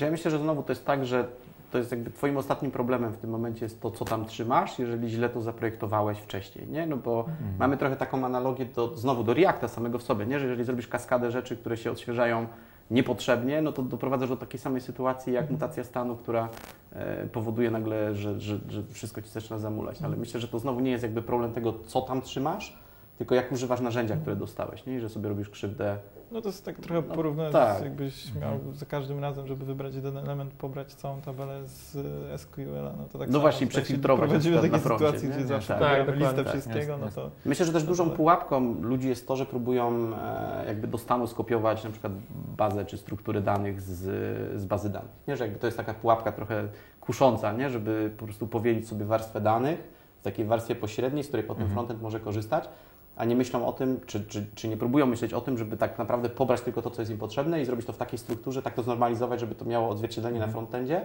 a nie było de facto strukturami, które, które mamy gdzieś tam pobrane. Nie wiem, czy się zgodzicie, czy nie, ale Mhm. Wydaje mi się, że to też jest taka powszechna pułapka, w którą często można wpaść, nie myśląc o tym jako Mhm. modelu danych, bardziej niż o, o czymś, co tak naprawdę jest stanem. No tak, tak aplikacji, ja też, nie? też byłem świadkiem tego, że było jakby zbyt dużo danych pobranych, dosłownie cała baza odpowiedzialna za jakąś tam część logiki i, i deweloperzy na froncie robili joiny i takie No rzeczy, właśnie. które no, mimo wszystko powinny gdzieś tam się zadziać na, na backendzie, więc e, no, ze wszystkim można przesadzić, ale sądzę, że tutaj akurat sam Mhm. fakt, że to jest Redux czy coś innego, to tam większego znaczenia nie ma. To chyba taką, taką pułapką Mhm. może być to hasło single source of truth, nie? Czyli jakby traktowanie tego trochę nadmiarowo i trochę traktowanie tego na zasadzie, że, naszym jedynym źródłem prawdziwym danych jest state, prowadzi do takiego myślenia, żeby tam wszystko władować, Mhm. po to, żebyśmy to jako jedno traktowali. Tak. Czy jeszcze wyjaśni, wyjaśnimy skąd się to hasło pojawia, bo single source of truth to jest one of three principles re, Reduxa. Nie? Stąd się Mhm. to hasło teraz pojawiło. Co do którego się zgadzamy trochę, a trochę nie. Tak, oni te, trochę, trochę tłumaczą to na zasadzie, że e, single source of truth w przypadku Reduxa jest tak, że cały stan rzeczywiście jest Mhm. trzymany wewnątrz tego globalnego stora. Mhm. E, co de facto gdzieś tam w takim akademickim podejściu, jak sobie myślimy o nim single truth, troszkę co innego znaczy. To znaczy, że jeśli mamy jakąś daną, no to, to jakieś jej derywatywy nie są też trzymane w tym stanie. To znaczy, że jeśli mamy listę obiektów, to nie Mhm. trzymamy total count też wewnątrz tego stora, tylko jesteśmy w stanie go obliczyć gdzieś tam na, na żywo, powiedzmy renderując, czy, czy za pomocą jakiegoś tam selektora memorizowanego, nie? Ale Tak. Także, także e, na pewno też z drugiej strony dokumentacja Reduxa to, jest trochę pomaga odpowiedzieć na pytanie, czy zadaje kilka pytań, które powinien sobie deweloper zadać, e, Mhm. zanim coś włoży do tego stora. A jeszcze jest taka, taka śmieszna rzecz, że napotkałem taką też bibliotekę, czy nawet dwie, e, które w sumie mają już parę lat, więc znaczy, że raczej ludzie tego nie używają, ale które doprowadziły do tego, że e, każdy komponent, swój lokalny stan mógł trzymać też w Reduxie, generowały się jakieś unikalne IDki dla każdego komponentu i, i takie potworki też powstawały, ale chyba się nie przyjęły. Znaczy, ja, ja pracowałem dobrze. dokładnie w takim, takim projekcie, z tym, że, z tym, że założenie było to, że nie, że mogły trzymać stan, tylko że każdy dosłownie dowolny komponent Musiał.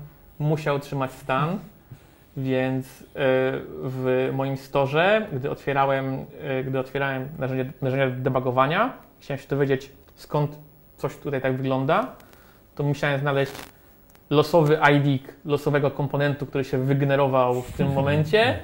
Musiałem go odtworzyć, jest tutaj i on tą dane no, przekazuje do Mhm. tego innego losowego ID-ka i faktycznie niestety, niestety trzeba robić to z głową i trzeba em, zrozumieć, co chcemy odzwierciedlić w tym stanie, co, co Czy- znormalizować. Czuję, że to mógł być ten przypadek, kiedy, kiedy performance mógł wchodzić w grę trochę. kiedy każdy komponent musi się jakoś zarejestrować, prowadzi to do ponownego przerenderowania tego komponentu. Tak, tak, są, są takie sytuacje. Jeżeli chodzi o performance, jest jedna sprawa, o której w sumie sądzę, że należy wspomnieć. W wielu przypadkach, jeżeli dochodzimy do kontekstu performance'u związanego z Reduxem, jest wtedy, kiedy używamy narzędzi pokroju UI Toolkit na naszym środowisku deweloperskim. I te narzędzia, e, e, Redux Toolkit, nie UI Toolkit.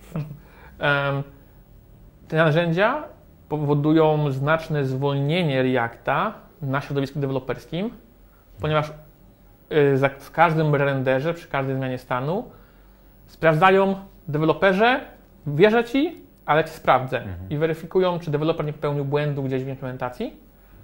Więc faktycznie lokalnie może to czasami być wolniejsze. Na produkcji y, co- jest to wyłączone i działa to, y, będzie to zazwyczaj działo, działo dużo bardziej sprawnie. Mhm. Ja myślę, że tutaj się zaczyna taka dyskusja wywiązywać o tym, czego unikać, na przykład e, skorzystając z Reacta plus, plus Redux, a ewentualnie może jakieś dobre praktyki e, z, z, z, powiedzmy z Waszych projektów na przykład, czym moglibyście się podzielić. Ja myślę, że, że chyba warto, żebyśmy teraz powiedzieli formularze, nie? Bo jakby to myślę, że jest taki temat, który może e, no, tak naprawdę bardzo łatwo pokazać, co odcinamy tak Mhm. naprawdę i w którym miejscu jest ta linia, gdzie trzymamy to lokalnie, a gdzie zaczynamy to wypychać do stanu, nie? I tutaj myślę, że, Mhm. że też chyba słynny Redux Form jest, jest takim Mhm. doskonałym przykładem na ja, to. Ja przeszedłem, cała nasza firma też przeszła przez Redux. No my też przeszliśmy przez Redux Form jakby ze wszystkimi, wiecie, nie? Dobrostanem i tak, To też się I- na, nauczyliśmy się, że tak. jak tak- się uczyłem, jak się uczyłem e, Reduxa, to właśnie bardzo mocno ludzie podchodzili do tej idei single source of truth w momencie, Mhm. gdzie każde naciśnięcie klawisza, każdą wartość formularza wrzucaliśmy do Stora. E, bo można, no bo jest to jakiś, jakiś stan aplikacji.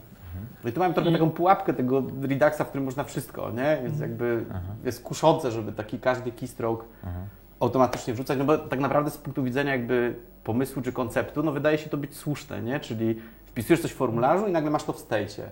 Dla deweloper, Szczególnie- dewelopera nic to nie kosztuje. Tak, Tak, dewelopera nic to nie kosztuje, dopóki nie, nie jest do końca świadomy tego, co tam się dzieje, nie? No bo Bo to, jakby... bo to jest trochę tak, że powiedzmy, że nie znasz w ogóle Reduxa, nie masz w swoim otoczeniu kogoś, kto jest w stanie ci powiedzieć, jak to powinno działać. I to, to Mhm. jest sytuacja, w której była większość z nas gdzieś tam, kiedy w ogóle pojawił się ten Redux. No nikt jeszcze nie wiedział, jak tego korzystać, więc e, też, też była taka myśl, że okej, no to założenie czy wszystko, no to wszystko, no to jest to Tak. podejście, ponieważ twórcy powiedzieli, że to jest okej, no to, że powinno tak być, no to. To jedziemy. Oni też w końcu ostatecznie się tego nauczyli, gdzieś w tej dokumentacji e, trochę, trochę oddają to deweloperowi, tłumaczą, co tam powinno być, co nie powinno, ale zdecyduj sam za siebie. E, No i właśnie przeszliśmy przez to, przeszliśmy przez to, że wszystko gdzieś tam było trzymane w tym, w tym Reduxie. Nauczyliśmy się, że prowadzi to po prostu do, do nadmiernego, takiego przesadnego kodowania rzeczy, Mhm. które nie są potrzebne, a nawet zaciemniają tak naprawdę te podstawowe rzeczy. No bo, bo jeśli wszystko, wszystko dosłownie musi przejść przez jakąś e, taki nie wprost mechanizm, żeby gdzieś zostanie ustawione i musi być z tamtego miejsca pobrane, no nie czyta się tego łatwo, nie? Kiedy, Mhm. bo, bo kod przede wszystkim jest dla ludzi też, nie? żebyśmy my, my czytali, co tam się w nim znajduje, więc jeśli ja za każdym razem muszę przejść ścieżkę naokoło przepływu danych tylko do tego, żeby dotrzeć do tej Mhm. informacji, skąd to się wzięło, no nie jest to najlepszy sposób, nie? I, i, e, i tak samo właśnie te, te formularze tutaj, o których mówimy, to jest, to jest no, idealny przykład Mhm. tego, co, co nie powinno się znajdować, naszym zdaniem przynajmniej. Tym bardziej myślę, że, że warto tu wspomnieć jeszcze też o tym pewnie, że co do zasady, jakby architektura mówi o tym, że jeżeli robisz dispatch jakiejś akcji, to de facto wszystkie Twoje reducery sprawdzają, nie? czy trafiło w to. Tak. I teraz im bardziej Ci się to rozrasta, Mhm. tym każdy taki keystroke to powoduje, że no mamy niestety, ale coraz mniej optymalne rozwiązania. O ile to może fajnie działać na tutorialu tam jednostronicowym, jednym formularzu i pokazują, że to, to jest super, no to to jakby prowadzi w projektach do pułapek i, No i do prowadzi rzeczy, też które... do sprawdzenia, co ma się przerenderować. Dokładnie. Mhm. I to jakby konsekwencją z tego Kaskada jest to, że, no, Mhm. także to myślę, że jesteśmy zgodni, że, że formularze są świetnym przykładem tego, żeby nie trzymać wszystkiego i Tak, bo to, to, jest, to jest jedno z głównych założeń też, też Reacta, Tak. z tego dnia pierwszego się pojawiło, czyli że jeśli są jakieś dane i Mhm. one się zmienią, to ma to doprowadzić do próby przerenderowania całego drzewa. No Mhm. oczywiście React ma mechanizm, który sprawdza, co tam powinno się... Mhm. Minimalizacji ma tego zjawiska. totalnego wycięcia wszystkiego i wyrenderowania, no ale założeniem to jest, zmieniają się dane, przerenderuj drzewo. E, A i- tylko to, co musisz, nie? a nie wszystko. I to Tak. jest właśnie super, że, że jakby to powoduje, Mhm. że, że tak naprawdę trochę oszczędzamy, no ale łatwo to zepsuć. Tak, ale no, zmieniając ten, ten Tak, kontekst z góry, gdzieś tam e, doprowadza Mhm. to do tego ostatecznie i tej, tego sprawdzenia, co tam powinno się wyrenderować. no. Więc, więc mówimy o formularzach, bo e, to jest idealny przykład tego, że to jest dana informacja, z, e, której zazwyczaj nie potrzebu, którą się nie, zazwyczaj nie potrzebujemy dzielić. Mhm. Mhm. To jest mój, mój, jestem formularzem, to, to są moje dane, dopóki nie naciśniesz przycisku, Mhm. da, przekaż te dane komuś innemu, Wyślij, to tak. tak, to, to, to wciąż, wciąż są tylko moje, więc Mhm. i w takich sytuacjach nie ma zupełnie potrzeby, żeby inny element aplikacji o tym wiedział. Mhm. Chyba, że dochodzimy do takiej potrzeby. Nie? Są, No tak, ale to jest jakby świadomie to robisz no wtedy, wtedy, nie? a tak, a nie, wtedy wiadomo, nie a, nie, dlatego, że... a nie by default. Tak. Ja myślę, Ale że... wtedy też przestaje być taką tymczasową daną ostatecznie. Nie? Jeśli Dokładnie. musisz to zapamiętać na później i gdzieś tam Mhm, przekazać, no to, to już nie jest Mhm. chwilowe. Więc jeśli, no, ja sobie zazwyczaj mówię, że jeśli coś jest typowo lokalne, tylko ten komponent będzie o tym myślał i on to nawet na chwilę sobie ustawia, żeby później może to wysłać, kiedy zakończyć to działanie, formularze ponownie są tym idealnym przykładem, no to nie musi to, nie powinno nawet moim zdaniem lądować Wiecie co, mieliśmy ostatnio taką Mhm. właśnie fajną rozmowę w biurze w tym tygodniu a propos dzisiejszego spotkania, tak chodziłem trochę i pytałem ludzi i padło takie ciekawe hasło mówiące o tym, że dobrym takim paradygmatem do przemyślenia sobie jest to, że żeby akcję nazywać w czasie przeszłym. Czyli de facto formularz wysyłasz jakby z danymi, które już wypełniłeś wcześniej i dopiero wtedy to dispatchuje jakąś akcję. Nie? I wtedy myślisz sobie o tym w ten sposób, że zgromadziłem lokalnie jakąś paczkę danych, przygotowałem sobie te dane i dispatchem nie jest keystroke, czy, czy jakieś tam, nie wiem, rozwinięcie selecta, albo nie daj Boże jakieś checkboxy, czy cokolwiek, tylko de facto jakby dispatchem akcji jest moment, w którym masz przygotowane lokalnie dane i chcesz sobie je wysłać do systemu. Czyli taki wysyłasz event z danymi, ale robisz de facto, powiadamiasz jakby Reduxa o tym po fakcie. I to myślę, że jest fajne myślenie, nie? że, że Mhm. im mniej takich rzeczy na żywo produkujemy i gdzieś tam próbujemy sterować, tym chyba mamy takie z góry jakby zmyślimy o performance w, kontekście, w kontekście, że akcja nie mówi zrób coś, tylko w kontekście, że akcja jest coś się stało. Tak, dane. Zareaguj. Mhm, dokładnie. I myślę, że to jest fajne myślenie chyba o tym, co należałoby dopiero przepchnąć. Nie? I to nam pozwoli, czy pozwala gdzieś tam myśleć o tym w ten sposób, że, że nie robimy tego na żywo, nie? Nie zamulamy. I, i to, to myślę, że jest fajne. Chociaż też wciąż będą sytuacje, w której tej akcji jednak trzeba nazwać. Tak, no oczywiście. Nie? Ja my, mówię bardziej o kwestii myślenia wiesz, w głowie swojej o tym, że, że tak naprawdę chcesz zdispatchować akcję, która już ma jakieś tam dane przygotowane i ty oczekujesz tego, że system zostanie o tym powiadomiony, a nie robisz tego tak, wiesz, na żywo, czy, czy zrzucasz jakieś rzeczy, bo, bo po co pchać na przykład dane z formularza, jeżeli go nigdy nie wyślesz, nie? Nie? No jakby to też jest, też jest myślę, że taki dosyć oczywisty fakt, a, a jakby no, tendencje bywały różne w przeszłości, bo wszyscy przez to przeszliśmy. Jasne. A czy jest jakiś, nie wiem, typ projektu, wielkość, e, zakres tematyczny, gdzie na pewno byście użyli lub nie użyli e, Redaxa? Czy, czy w ten sposób w ogóle patrzenie e, ma sens? Czy to raczej, e, no nie wiem, kwestie tylko i wyłącznie techniczne, związane z zaawansowaniem technicznym projektu warunkują, że ok, teraz idziemy w tym, w tym kierunku, nie ma znaczenia jaka tam jest domena, jaka jest wielkość, ilu użytkowników. Ja myślę, takim jednym typem projektu, który tego Reduxa no, nie stosujemy, to zazwyczaj jest, kiedy typowo ta aplikacja, strona służy do konsumpcji da- e, jakichś informacji, treści. Wyświetlania. Że sam użytkownik Mhm. nie wykonuje za bardzo żadnych operacji poza po- chodzeniem po tej stronie, zmienianiem ścieżek. To, to Typowy wtedy, taki kontekst blogu. no, Czyli nie masz dispatchowania akcji de facto, jakby, nie? No Tak, że no- jest fajny, fajny koncept na to, żeby tego uniknąć. Tak, nie, nie, no, nie ma, nie ma jakichś eventów na stronie, Tak. które by powod... dużej ilości takich eventów. Mhm. Właśnie em, typowym przykładem są, wspomnieliśmy o Gatsbeam, Nextie, em, frameworki używające Reacta do server-side renderingu. Mhm. E, W nich w wielu przypadkach e, nie ma tego właśnie kontekstu wymagającego dzielenia się stanem między drzewem, ponieważ jest kontekst jednej strony. W momencie, kiedy wchodzimy na, na tę stronę, renderuje się nam z góry do dołu y, przez Next, nam ją renderuje w ten sposób. E, I em, to jest też taki Mhm. typowy typ projektu, Mhm. w którym em, niekoniecznie potrzebujemy, nie? Znaczy, ja bym się tylko wystrzegł tego, że mówimy, że masz Nexta, to nie używaj Re- Reduxa, tylko Nie, nie, absolutnie. Tego, że najczęściej nam się trafiają projekty, które jeśli jest ten Gatsby, tam Next.js, to, to po prostu to jest ta charakterystyka projektu, która do założenia nie jest, potrzebuje. może nie? być zupełnie. Tak sobie to meczujemy, niekoniecznie.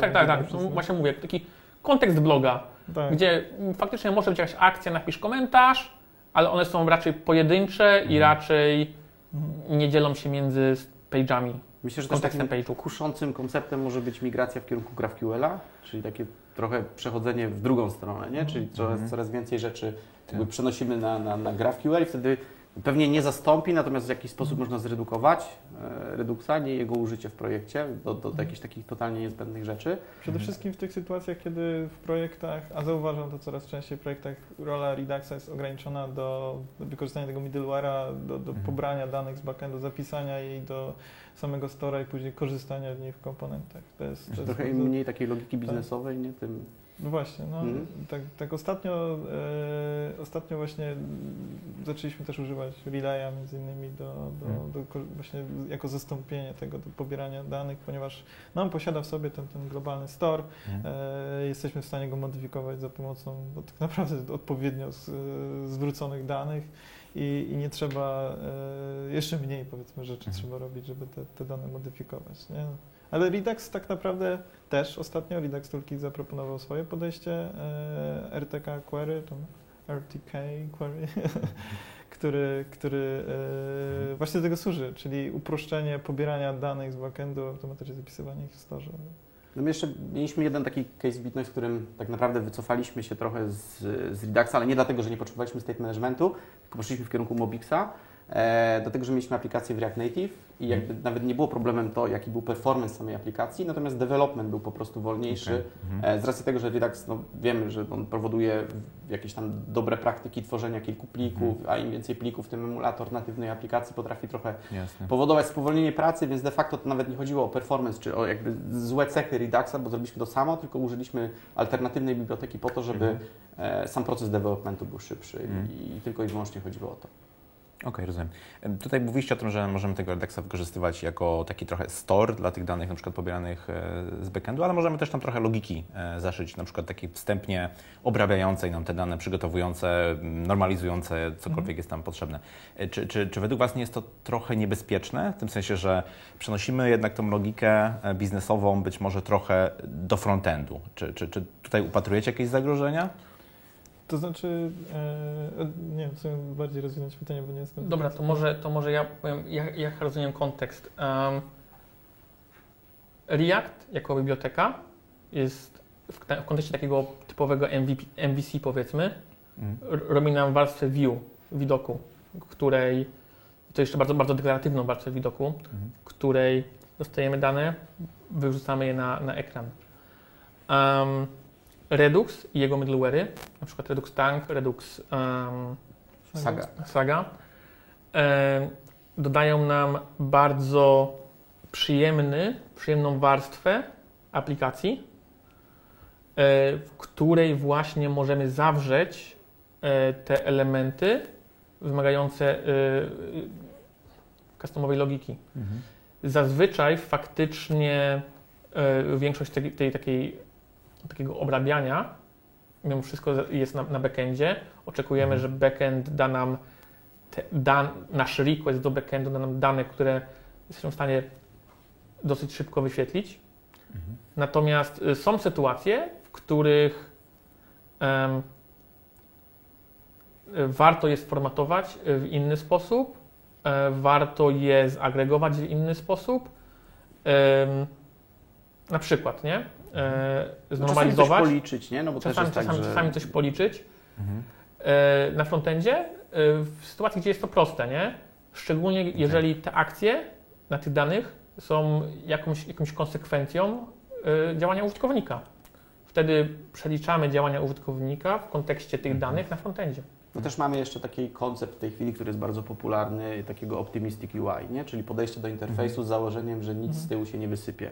I jakby to ma wszystko spowodować, że dla użytkownika końcowego ten praca z interfejsem jest bardzo płynna, bardzo przyjemna i tak naprawdę nie mamy Jasne. sytuacji, w których czekamy na dane. No bo to jest, myślę, że taki koncept koszyka jest dosyć ciekawym, ciekawym elementem, no bo Mhm. de facto jak dodajesz rzeczy do koszyka, to albo cenę możesz policzyć sumarycznie, albo możesz za każdym razem pytać backend, czekać na dane i dostawać tą cenę z Tak. powrotem. No i teraz jeżeli założymy, że liczymy poprawnie i jesteśmy spójni z tym, co się liczy na backendzie, to de facto taki user experience jest lepszy, nie? A czy to jest dobre, czy złe, no myślę, że to, to nie mi jakby wyrokować, nie? Ale jakby tendencja jest taka, żebyśmy w przypadku interfejsów webowych pracowali jak z natywną aplikacją, a to nam trochę zapewnia takie optymistyczne podejście do założenia, że wszystko i tak się liczy poprawnie e, i że nic nam się tam z tyłu nie, nie, nie, nie w cudzysłowie nie sypnie.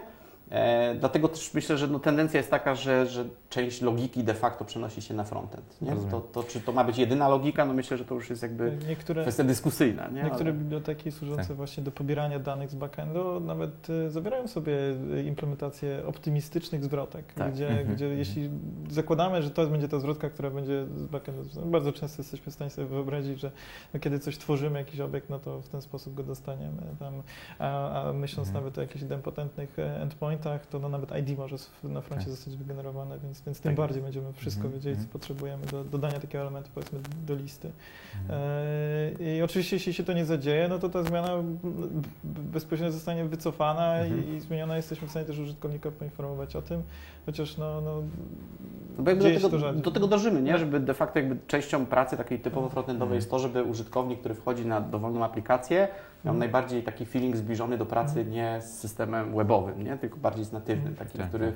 i w tym kierunku jakby wszystko dąży i myślę, że w ogóle cały koncept Reacta jest bardzo e, jakby jest wynikiem takiej potrzeby, Mhm. żebyśmy ten interfejs mieli taki bardzo responsywny, bardzo spójny i bardzo szybki. Nie? I jakby to, to Mhm. jest taki core koncept tego wszystkiego. I ja bym się jeszcze odwołał od zasady, od zasady KISS. Keep, keep it simple, stupid. Mhm. E, W wię- większości przypadków, kiedy dostajemy dane z backendu, kiedy piszemy prostą aplikację typu blog, Mhm. nie musimy nic z nimi robić, to, to nie róbmy z, z nimi nic. Mhm. Ale są sytuacje, w których po prostu będziemy to potrzebowali zrobić i te middleware'y, selektory, normalizacja stanu pozwol- to są narzędzia, które nam pozwolą Mhm. pracować z warstwą danych tak, żeby łatwo było ją wpasować w kontekst, w kontekst y, tego, co chcemy wyświetlić.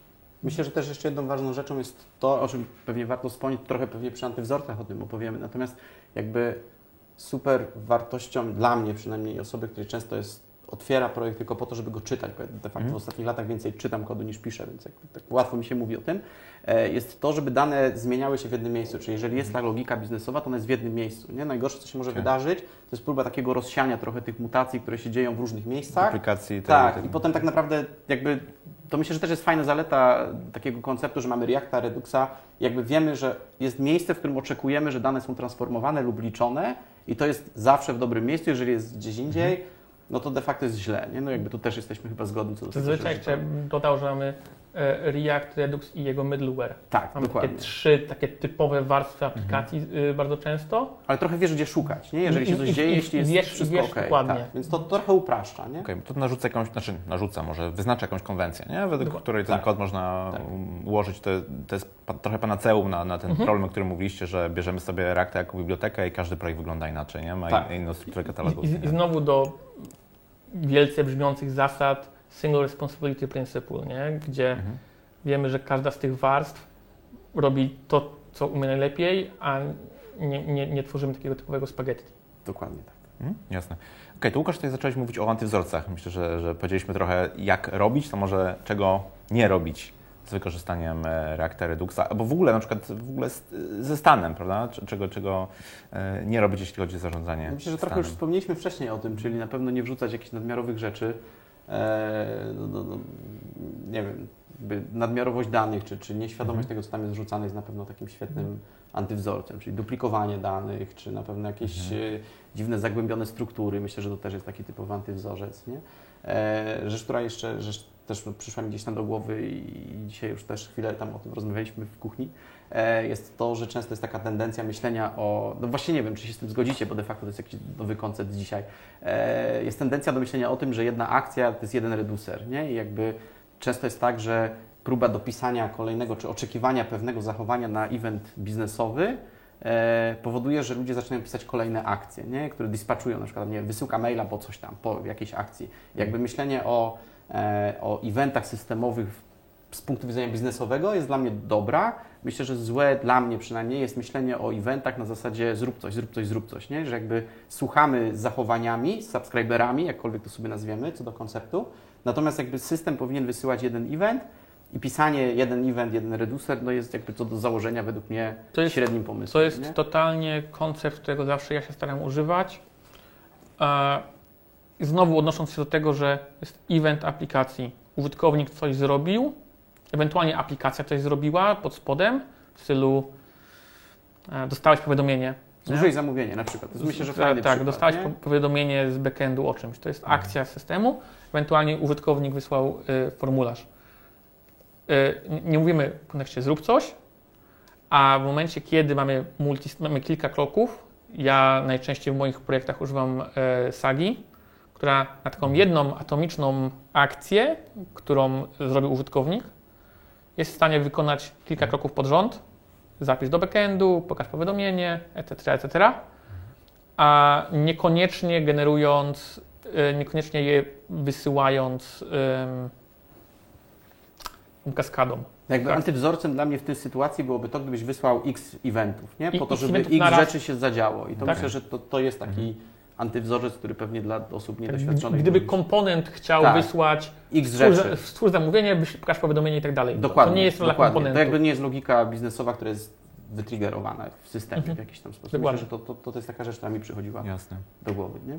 No pewnie, no, ostatecznie sprowadza się do przeniesienia to znowu logiki biznesowej do komponentów, więc, więc Tak, jakby słusznie, tak, że, tak. że powinno to być, zadziać się w jakimś, jakimś middleware'ze tutaj właśnie, Mhm. wykorzystać ten mechanizm. No tym bardziej, że wiesz, jeżeli z innego komponentu chciałbyś wysłać ten sam analogiczny event albo dopiszesz jakby nowy, no to jeśli się Mhm. zmienią te zasady, które się tam powinny zadziać, bo coś tam subskrybuje, no to znowu trzeba myśleć o tym, żeby te akcje kopiować, czy tam, nie wiem, dodawać w x komponentach. Myślę, że to, to jest takie błędne myślenie o dispatchowaniu eventów. No można Mhm. powiedzieć, że bo ludzie, niektórzy zauważam, że właśnie z jakiegoś powodu nie korzystają z middleware'ów albo pomijają to trochę w implementacji Reduxa i, i zostawiają tylko jakby zapisywanie i odczytywanie danych z tego, z tego stora, więc może to, to warto było też wspomnieć, że e, może nie uznamy tego jako antywzorzec, bo no, ktoś chce lub nie chce korzystać z mechanizmów Mhm. dostępnych. E, Niewykorzystana ale, szansa. ale jest to niewykorzystana szansa, myślę, Mhm. że to jest dobre No określenie. myślę, że wszystkie próby też zmiany stanu, nie? Po prostu tak, y, wiem, jakby co do założenia, nie wiem, czy w ogóle o tym wspomnieliśmy wcześniej, że stan powinien być niezmienialny. Niemutowalny. niemutowalny i, i jakby to, to jest też taki core koncept jakby Mhm. całej tej architektury, więc jakiekolwiek próby, no bo de facto mamy do czynienia z czystym obiektem javascriptowym nie? Mhm. i jakby Mhm. możemy z nim Mhm. zrobić wszystko, więc jakiekolwiek próby zmiany, no myślę, że, że to, to należałoby ręce ucinać Tak. za to, nie? To tutaj, tutaj na pewno e, wspomniałbym e, trochę to, co już e, Robert powiedział, czyli i dlatego powiedziałem to w dziale antywzorców, jest niewykorzystywanie Redux Toolkita. Jest to Mhm. narzędzie dostarczone oficjalnie od zespołu Reduxa, które implementuje wiele dobrych praktyk, rzeczy, które i tak powinno się wykorzystywać w nim. Mhm. Więc jeśli ktoś świadomie oczywiście nie rezygnuje z tego na rzecz jakichś własnych implementacji, jak najbardziej, ale jakby pisanie w takim czystym, czystym Reduxie bez wykorzystania toolkita nazwałbym już na dzień dzisiejszy trochę anty, antywzorcem. Zadziwia mnie, że naprawdę e, kiedy, kiedy spotykam ludzi głównie na, na, na rekrutacjach, e, jest to wciąż biblioteka, która jest rzadko wykorzystywana i to bardzo, Mhm. bardzo mnie zaskakuje. E, nie, nie mogę jeszcze... Ja myślę, że to jest chyba efekt tego, że mimo wszystko jakby Tutoriale. większość tutoriali, która jest No. do tej pory napisana, czy materiałów, które zostały przygotowane, opierają się o, o takie podejście, że zrób sobie to sam, Aby nie są Mhm. unowocześnione. nie są nowocześniane i myślę, że to, to może tak być. Natomiast ja myślę, że chyba, znaczy ja zgadzam się absolutnie, że, że używanie Redux Toolkit jest super, natomiast nie wiem, czy to jest dobre, żeby od tego zaczynać. Nie? Jeżeli ktoś dopiero No wchodzi w ten świat, to myślę, że to jest najgorszy pomysł, chociażby przez Mhm. Imer. E, no bo to jakby co do założenia myślę, że może być mylące. No, i, myślę, że i to jest jakby- spójne z tym, co mówiliśmy wcześniej, że, że rzeczywiście jak się uczysz, poznajesz to od zera, nie? Tak, to lepiej- jest- lepiej niektórzy zacząć. tak- Jak zrozumiesz, jak to działa, Tak, tak. zrozumiesz, jak użyj, użyj jak już wiesz co się dzieje, a nie na zasadzie ucz się z tego, no Tak. myślę, że Mhm. to może być taki... Ale tu może nie ucz się na produkcyjnym projekcie. Tak, absolutnie. Znaczy, Redux Toolkit w ogóle jest o tyle dobry, że do Reduxa było przez lata mnóstwo krytyki o temat powtarzalności działań, które musisz zrobić, aby wystawić jedną funkcjonalność od y, ilości kodu, które musisz zduplikować, czy zduplikować, musisz y, napisać. napisać, co sprowadzało się w wielu przypadkach do, do Ctrl-C, Ctrl-V, zmiany nazwy. Um, Redux Toolkit um, rozwiązuje naprawdę, nie wiem, z mojej perspektywy wszystkie problemy, które przez lata były krytyką tego e, e, Reduxa. No myślę, że jeszcze trochę huki w tym pomogły. Wiesz co, to myślę, że też fajnym, fajnym, fajną rzeczą, o której pewnie warto wspomnieć jest to, że de facto Toolkit nie jest też jakby napisaną biblioteką od, od podstaw, tylko ona trochę maskuje użycie bibliotek, której tak ludzie używali, e, ale jest to ładnie opakowane w, jeden, w jedno narzędzie. Ten i- reselect, imer. I, no dokładnie, jakby dostajemy te wszystkie dobre wzorce i praktyki, które gdzieś tam z latami ostatnimi wyszły w jednej paczce, w jednym miejscu dokumentacją i, i myślę, że to jest fajne, że, że tak naprawdę dostajemy jakiś tam sensowny koncept. Powiedzieliśmy dużo dobrego na temat e, Reduxa, na temat e, Reacta, na temat zarządzania stanem, kiedy to jest potrzebne. E, To teraz może warto by się zastanowić i powiedzieć trochę, kiedy nam może to nie wypalić, kiedy, co może pójść nie tak po prostu, jeśli chodzi o wykorzystanie Reduxa. To ja może zacznę, powiem, że serializacja i, i to, co można znaleźć przez przypadek nieświadomie dokonując serializacji obiektów do state'u. E, no w naszym przypadku na przykład no, zdarzyło nam się znaleźć e, cały obiekt daty serializowany, łącznie z biblioteką Moment.js spakowany do Reduxa i, i to chyba jest najgorszy pomysł, jeśli nieświadomie to robisz, nie patrzysz, co tam Mhm. leci. Teoretycznie wszyscy, e, cała zawartość akcji i cała zawartość stora to powinny być proste obiekty e, JS-owe. W rzeczywistości jest różnie, nie? Więc my tutaj mieliśmy kontekst tego, że Daty ogólnie, nie? typowy, jest takim typowym zastosowaniem tego, że mam datę, obiekt daty, taki, no, niekoniecznie moment JS-a, który No to faktycznie, skrajny przypadek, nie? który Jakby- faktycznie jest trochę duży, ale taki typowy, zwykły y, JS-owy date, ym, ja często po prostu wrzucam do stora. Ym, nie, nie zamieniam go do postaci ISO, nie za, y, ani w akcji, ani, ani, ani w reducerze, po prostu, bo ilość transformacji, którą, którą wtedy trzeba na nim zrobić, Mhm. pobierając, y, zapisując, jest duża, nie? To może mieć swoje problemy w przypadku, nie wiem, time travelu, e, aczkolwiek zazwyczaj nie jest aż takim problemem, ale Mhm. sama idea tego, że nasz state powinien być serializowalny, e, jest, em, jest bardzo ważnym konceptem. I wracając, Redux Toolkit. Redux Mhm. Toolkit domyślnie na naszym deweloperskim ustawieniu sprawdza, kontroluje nas, czy zrobiłeś Twój state w postaci serializowalnej. Jeżeli nie, warning. Mhm. To jest też, też jest bardzo... Można ignorować paterny. Tak, paterny można ignorować. Ale ale jest, jest, jest, bardzo, jest bardzo istotne. Kolejnym takim typowym problemem, zanim zaczniemy w ogóle korzystać z toolkita, były mutacje. Bo znowu, jest coraz prościej w, w, w Reduxie, nawet z powodu ES6, ale za każdym razem, gdy zmieniamy stan, musimy w, Re- Reduxie przy pomocy akcji, przy pomocy reducera, musimy stworzyć nowy obiekt. Nie możemy zmodyfikować istniejącego już obiektu. Mhm.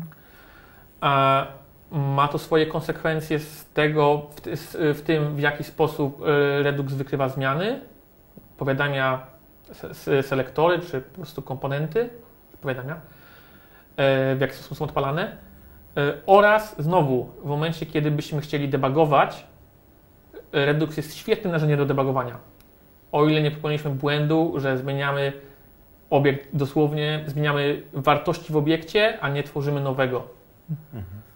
A teraz w Redux Toolkicie jest to trochę łatwiej, czy jest Jest imer. mnóstwo łatwiej, mono, ba, o- ogromno, ogromno, o- bardzo mocno łatwiej, ale jest Immer.js, który de facto mówi hej, jeżeli spróbujesz mnie zmodyfikować, to ja stworzę nowy obiekt out of the box, więc rozwiązuję ten problem wprowadza kilka innych skoków myślowych.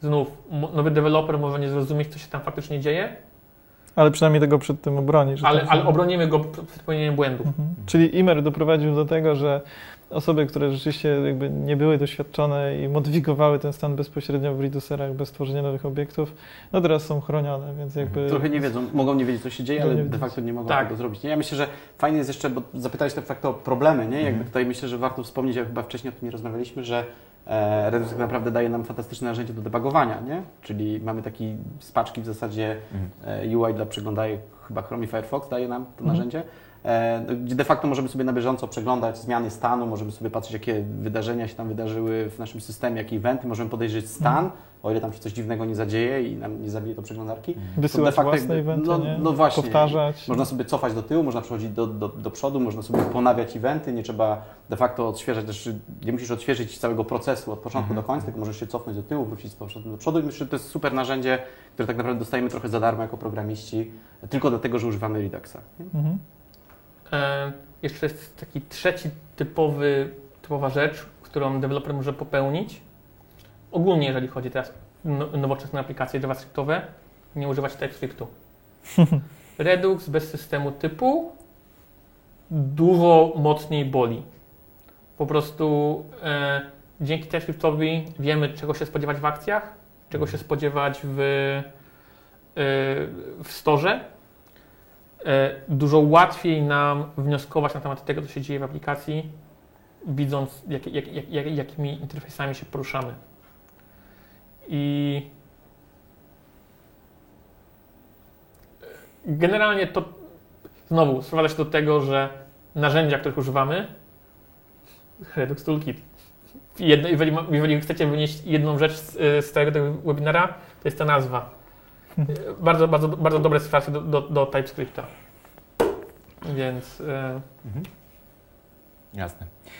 Okej, e, to myślę, że powiedzieliśmy już całkiem sporo o tym Reduxie. E, Może jakieś alternatywy, które Wam przychodzą do głowy, których warto tutaj przynajmniej napomknąć, powiedzieć, że coś takiego istnieje jako taki te kontrpunkt do Reduxa. No na pewno wspomniany wcześniej przeze mnie oczywiście tam ten Mobix, który de facto jest trochę alternatywą, trochę innym koncepcie, natomiast jakby co do zasady wszystkie te narzędzia sprowadzają się do tego samego, czyli mamy jakiś tam stan, mamy jakieś pomocnicze narzędzia, które próbują nasłuchiwać i reagować na zdarzenia, które się dzieją w naszej aplikacji, no i ma to odzwierciedlenie na interfejsie. No i jakby jest kilka konceptów, jeśli chodzi o, o, o podejście do tego, natomiast jakby co do zasady one wszystkie starają się działać w ten sam sposób, e, z innym pomysłem. Myślę, że Mobix na pewno jest jakąś alternatywą. Nie wiem co jeszcze. em, na pewno mamy sporo bibliotek, e, które rozwiązują problem obsługi stanu atomicznie. W sensie, że mamy e, atomy, e, mm, do których się odnosimy bezpośrednio jako zmienne globalne de facto. Recoil? Na przykład recoil. Mhm. Um, I e, tutaj na przykład mamy out of the box jedną przewagę. Mamy, mamy minusy, mamy przewagi, ale przewagę y, dzielenia aplikacji, y, lazy loadingu, gdzie przy pomocy takiego automatycznego stanu e, po prostu importując wiemy czego używamy w dan, na, na danym zakresie y, aplikacji, jest dużo łatwiej jest y, tym, tym taką performansową e, e, Takie czanki wytworzyć. Wytworzyć czanki, czan- to dosłownie, jeżeli chodzi o lazy loading. E, W Reduxie wciąż możliwe, możemy podzielić na, na, na, na malutkie reducery, jednak dużo bardziej boli, dużo, dużo bardziej e, trzeba włożyć od siebie e, w Mhm. tym. No E, na pewno X-State jeszcze, nie? Jako Jeszcze alternatywne nie? trochę podejście do, do maszyny No stanów ja sobie bardziej. nie używałem akurat. E, no, ja też nie, ale, X-State jest ale piękny. widziałem, że on się potrafi zwizualizować, co samo z siebie jest super fajne i, i no de facto jakby wprowadza znany nam od podstaw w ogóle tam lat chyba 60-70 koncept maszyny stanów. Natomiast on go nam daje w tym momencie jako bibliotekę do frontendu. Znaczy, X-State jest piękny i de facto Redux też jest maszyną stanów, tylko z taką maszyną, w której z dowolnego stanu możesz przejść na dowolny inny. przeczy koncepcji jakby Tak. zamkniętej maszyny stanów. Nie? Dokładnie. X-State um, zupełnie inaczej do tego podchodzi. Jest też dużo bardziej deklaratywny. Jeszcze bardziej deklaratywny niż Redux. A I z mojej perspektywy jest po prostu piękne, można zrobić w nim wszystko, co w Reduxie, ale lepiej. Tylko jest problem. A jest trudne. I, I, w momencie, kiedy mówiliśmy o tym, że, że e, Redux jest trudny, że do no, momentu jest łatwy.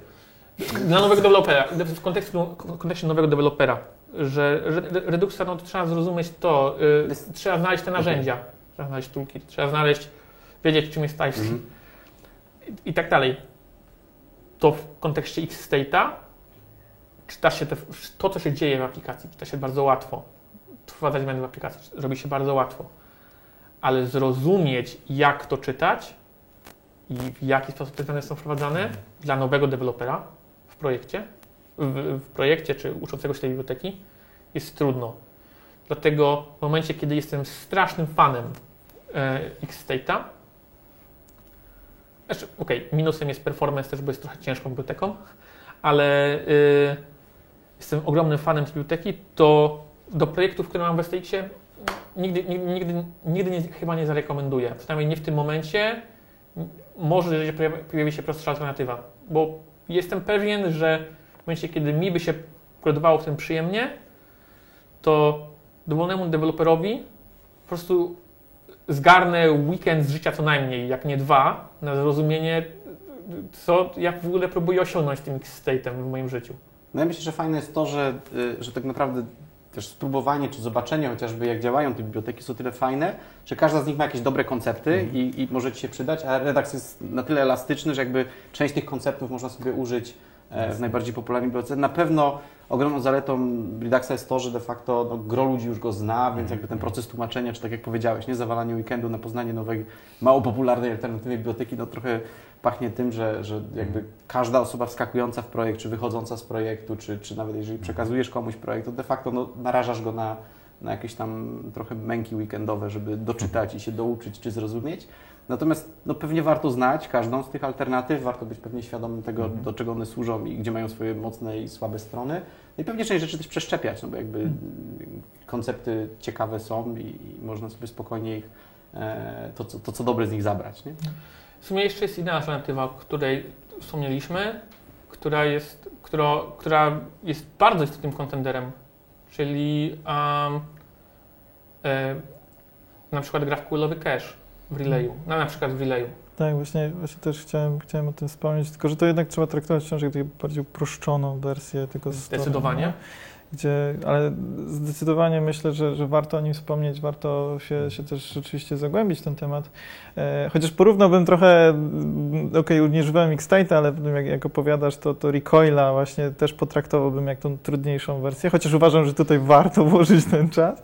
Tak, jest jeszcze Apollo na przykład, e, klient, który pozwala na, na też e, trzymanie tego stanu, też aktualizuje się automatycznie po tym, jak są zwrócone dane, chociaż częściej trzeba wprost modyfikować za pomocą funkcji updaterów tak zwanych e, dane w tym, w tym storze. Ale jeśli chodzi o recoila, możemy założyć, że jeśli będziemy zwracali stałe ID obiektów, to jakiekolwiek, powiedzmy, operacja tworząca, edytująca, zwracająca, nieważne w jakim miejscu tego drzewa, nieważne czy to jest zależność czegoś, coś, doprowadzi do zaktualizowania tej wartości w tym globalnym storze.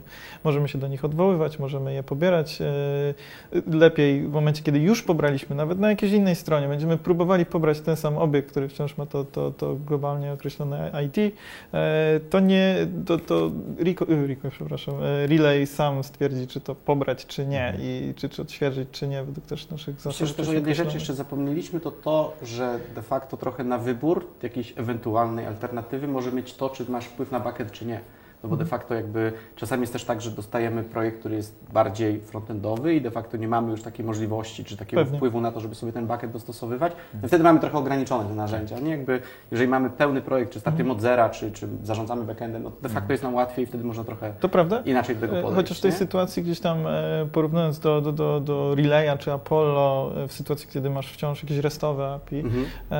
no to zostają takie rozwiązania jak React Query, React tak, SWR, tak, tak czy, mhm. czy chociażby ten, ten dość świeży z Redux Toolkita RTK Query. Mhm. On, on jakby rozwiązuje podobną rzecz też. E, zakłada, że jest jakiś store, który trzyma dane i taki bardzo też ponownie deklaratywny sposób Mhm. potrafi e, odnosić się, się do danych, które znajdują się na, na backendzie i zarządzać tym, czy w ogóle my musimy jeszcze raz pobierać te same dane i unikać tej- tych sytuacji, w których e, no, wchodzimy na tą samą stronę, na której 5 sekund temu byliśmy i znowu wysyłamy żądanie na backend. Albo byliśmy na liście, pobraliśmy całą listę, chcemy wejść na jeden element, a ponownie wysyłamy żądanie o ten jeden element, chociaż już go mamy. Tak naprawdę. Czyli co, trochę zatoczyliśmy koło i doszliśmy do momentu, że w sumie to zarekomendujemy Redux Toolkit, nie? Jako takie, jeśli jesteś świadomy tego, z czego chcesz tam Tak. korzystać, to, to, to myślę, że to jest chyba najfajniejsza i- Ja rekomendacja. tylko jeszcze uprzedzę osobę, która będzie sprawdzała te nasze rekomendacje i wyjaśnię, czemu Recoil jest skomplikowany, bo e, Recoil jest najprostszą z tych wszystkich bibliotek, które mamy dostępną. Jeżeli chodzi o dokumentację, patrzymy na jak zrobić inkrement. Boże, jakie to jest proste, out of the box. Trzy linijki kodu, wszystko działa. Ale w momencie, kiedy zaczniemy robić strukturę całej aplikacji na Recoilu, to dopiero wtedy zaczynamy rozumieć ilość em, konsekwencje trochę wyboru, konsekwencje wyboru. Tak? Dopiero, dopiero w momencie, kiedy to rośnie, za- zaczyna nabierać, nabierać poziomu skomplikowania. Nie? Mhm. Gdzie na przykład y, y, X-state jest skomplikowany już na sam start. już startowanie z X-state'em jest, jest, jest problematyczne. Relay, relay też. Relay też. No. Super, e, świetnie, bardzo Wam dziękuję. Muszę powiedzieć, że się w ogóle nie zawiodłem. Przychodząc tutaj, rozmawiając e, z Wami, spodziewałem się rzetelnej, merytorycznej rozmowy i tak faktycznie było, także dzięki za, za, za Wasz e, czas. Sam się też sporo nauczyłem. Była fajna, taka żywa dyskusja. Mam wrażenie, że wiele spraw, tak naprawdę wiele tematów nas tutaj tak technicznie łączy, w sensie mm, te dobre chociażby praktyki z projektów, tak, tak wyniesione gdzieś dzielimy i to jest ba- bardzo fajne. To była taka pierwsza rozmowa w ramach Post Tech Talks. E, Myślę, że będzie tego więcej, bo widzę, że fajny, fajny faktycznie flow się tutaj nam e, narodził. Zapraszamy oczywiście wszystkich widzów, słuchaczy do komentowania, wiadomo, pod filmem. No i też zapraszamy do komentowania w social mediach. E, Hashtag Post Tech Talks to jest coś, co powinno się pod Trudne takimi, słowo. tak, trudne do złożenia razem, ale Może do, napisania prościej. E, Może zrobimy jakiś skrót faktycznie, pewnie. E, Także bardzo Wam jeszcze raz e, dziękuję, naprawdę fajnie spędzony czas. Jeszcze jednym kontekstem fajnym jest to, że możemy zaprosić ludzi do zadawania, do komentowania tego, co my mówiliśmy, czyli czy może mają jakieś swoje e, praktyki z Reduxem, z innymi, maszyn, ma, masz, innymi state managementami, Mhm. którymi, chcą, którymi, chcą- którymi chcą, chcą się podzielić. Mogą nas też połapać za słowa. Mogą myślę, nas- że to jest- nas też za słowa. I, i Więc, dyskutować. więc ja bardzo... Czekamy. Ale nie za się- bardzo, bo będzie nam przykro. No, za bardzo nie, ale trochę tak, możemy wtedy podyskutować. I Tak, ja bardzo, ja bardzo mega liczne komentarze, więc Co jest super fajne, to to, że mam wrażenie, że trzy, trzy różne organizacje, trzy różne rozmiary, trzy różne nie, tekstaki i tak dalej, a finalnie zgodziliśmy się co do tego, że na dzień dzisiejszy nie ma lepszego rozwiązania do E, wspieranie interfejsów czy do, do programowania na frontendzie, bo ciężko wymyślić alternatywę na dzień dzisiejszy przynajmniej. E, w świecie Reacta. W świecie Reacta oczywiście. Świetnie. Dziękuję bardzo. Dzięki. Dzięki. Dzięki.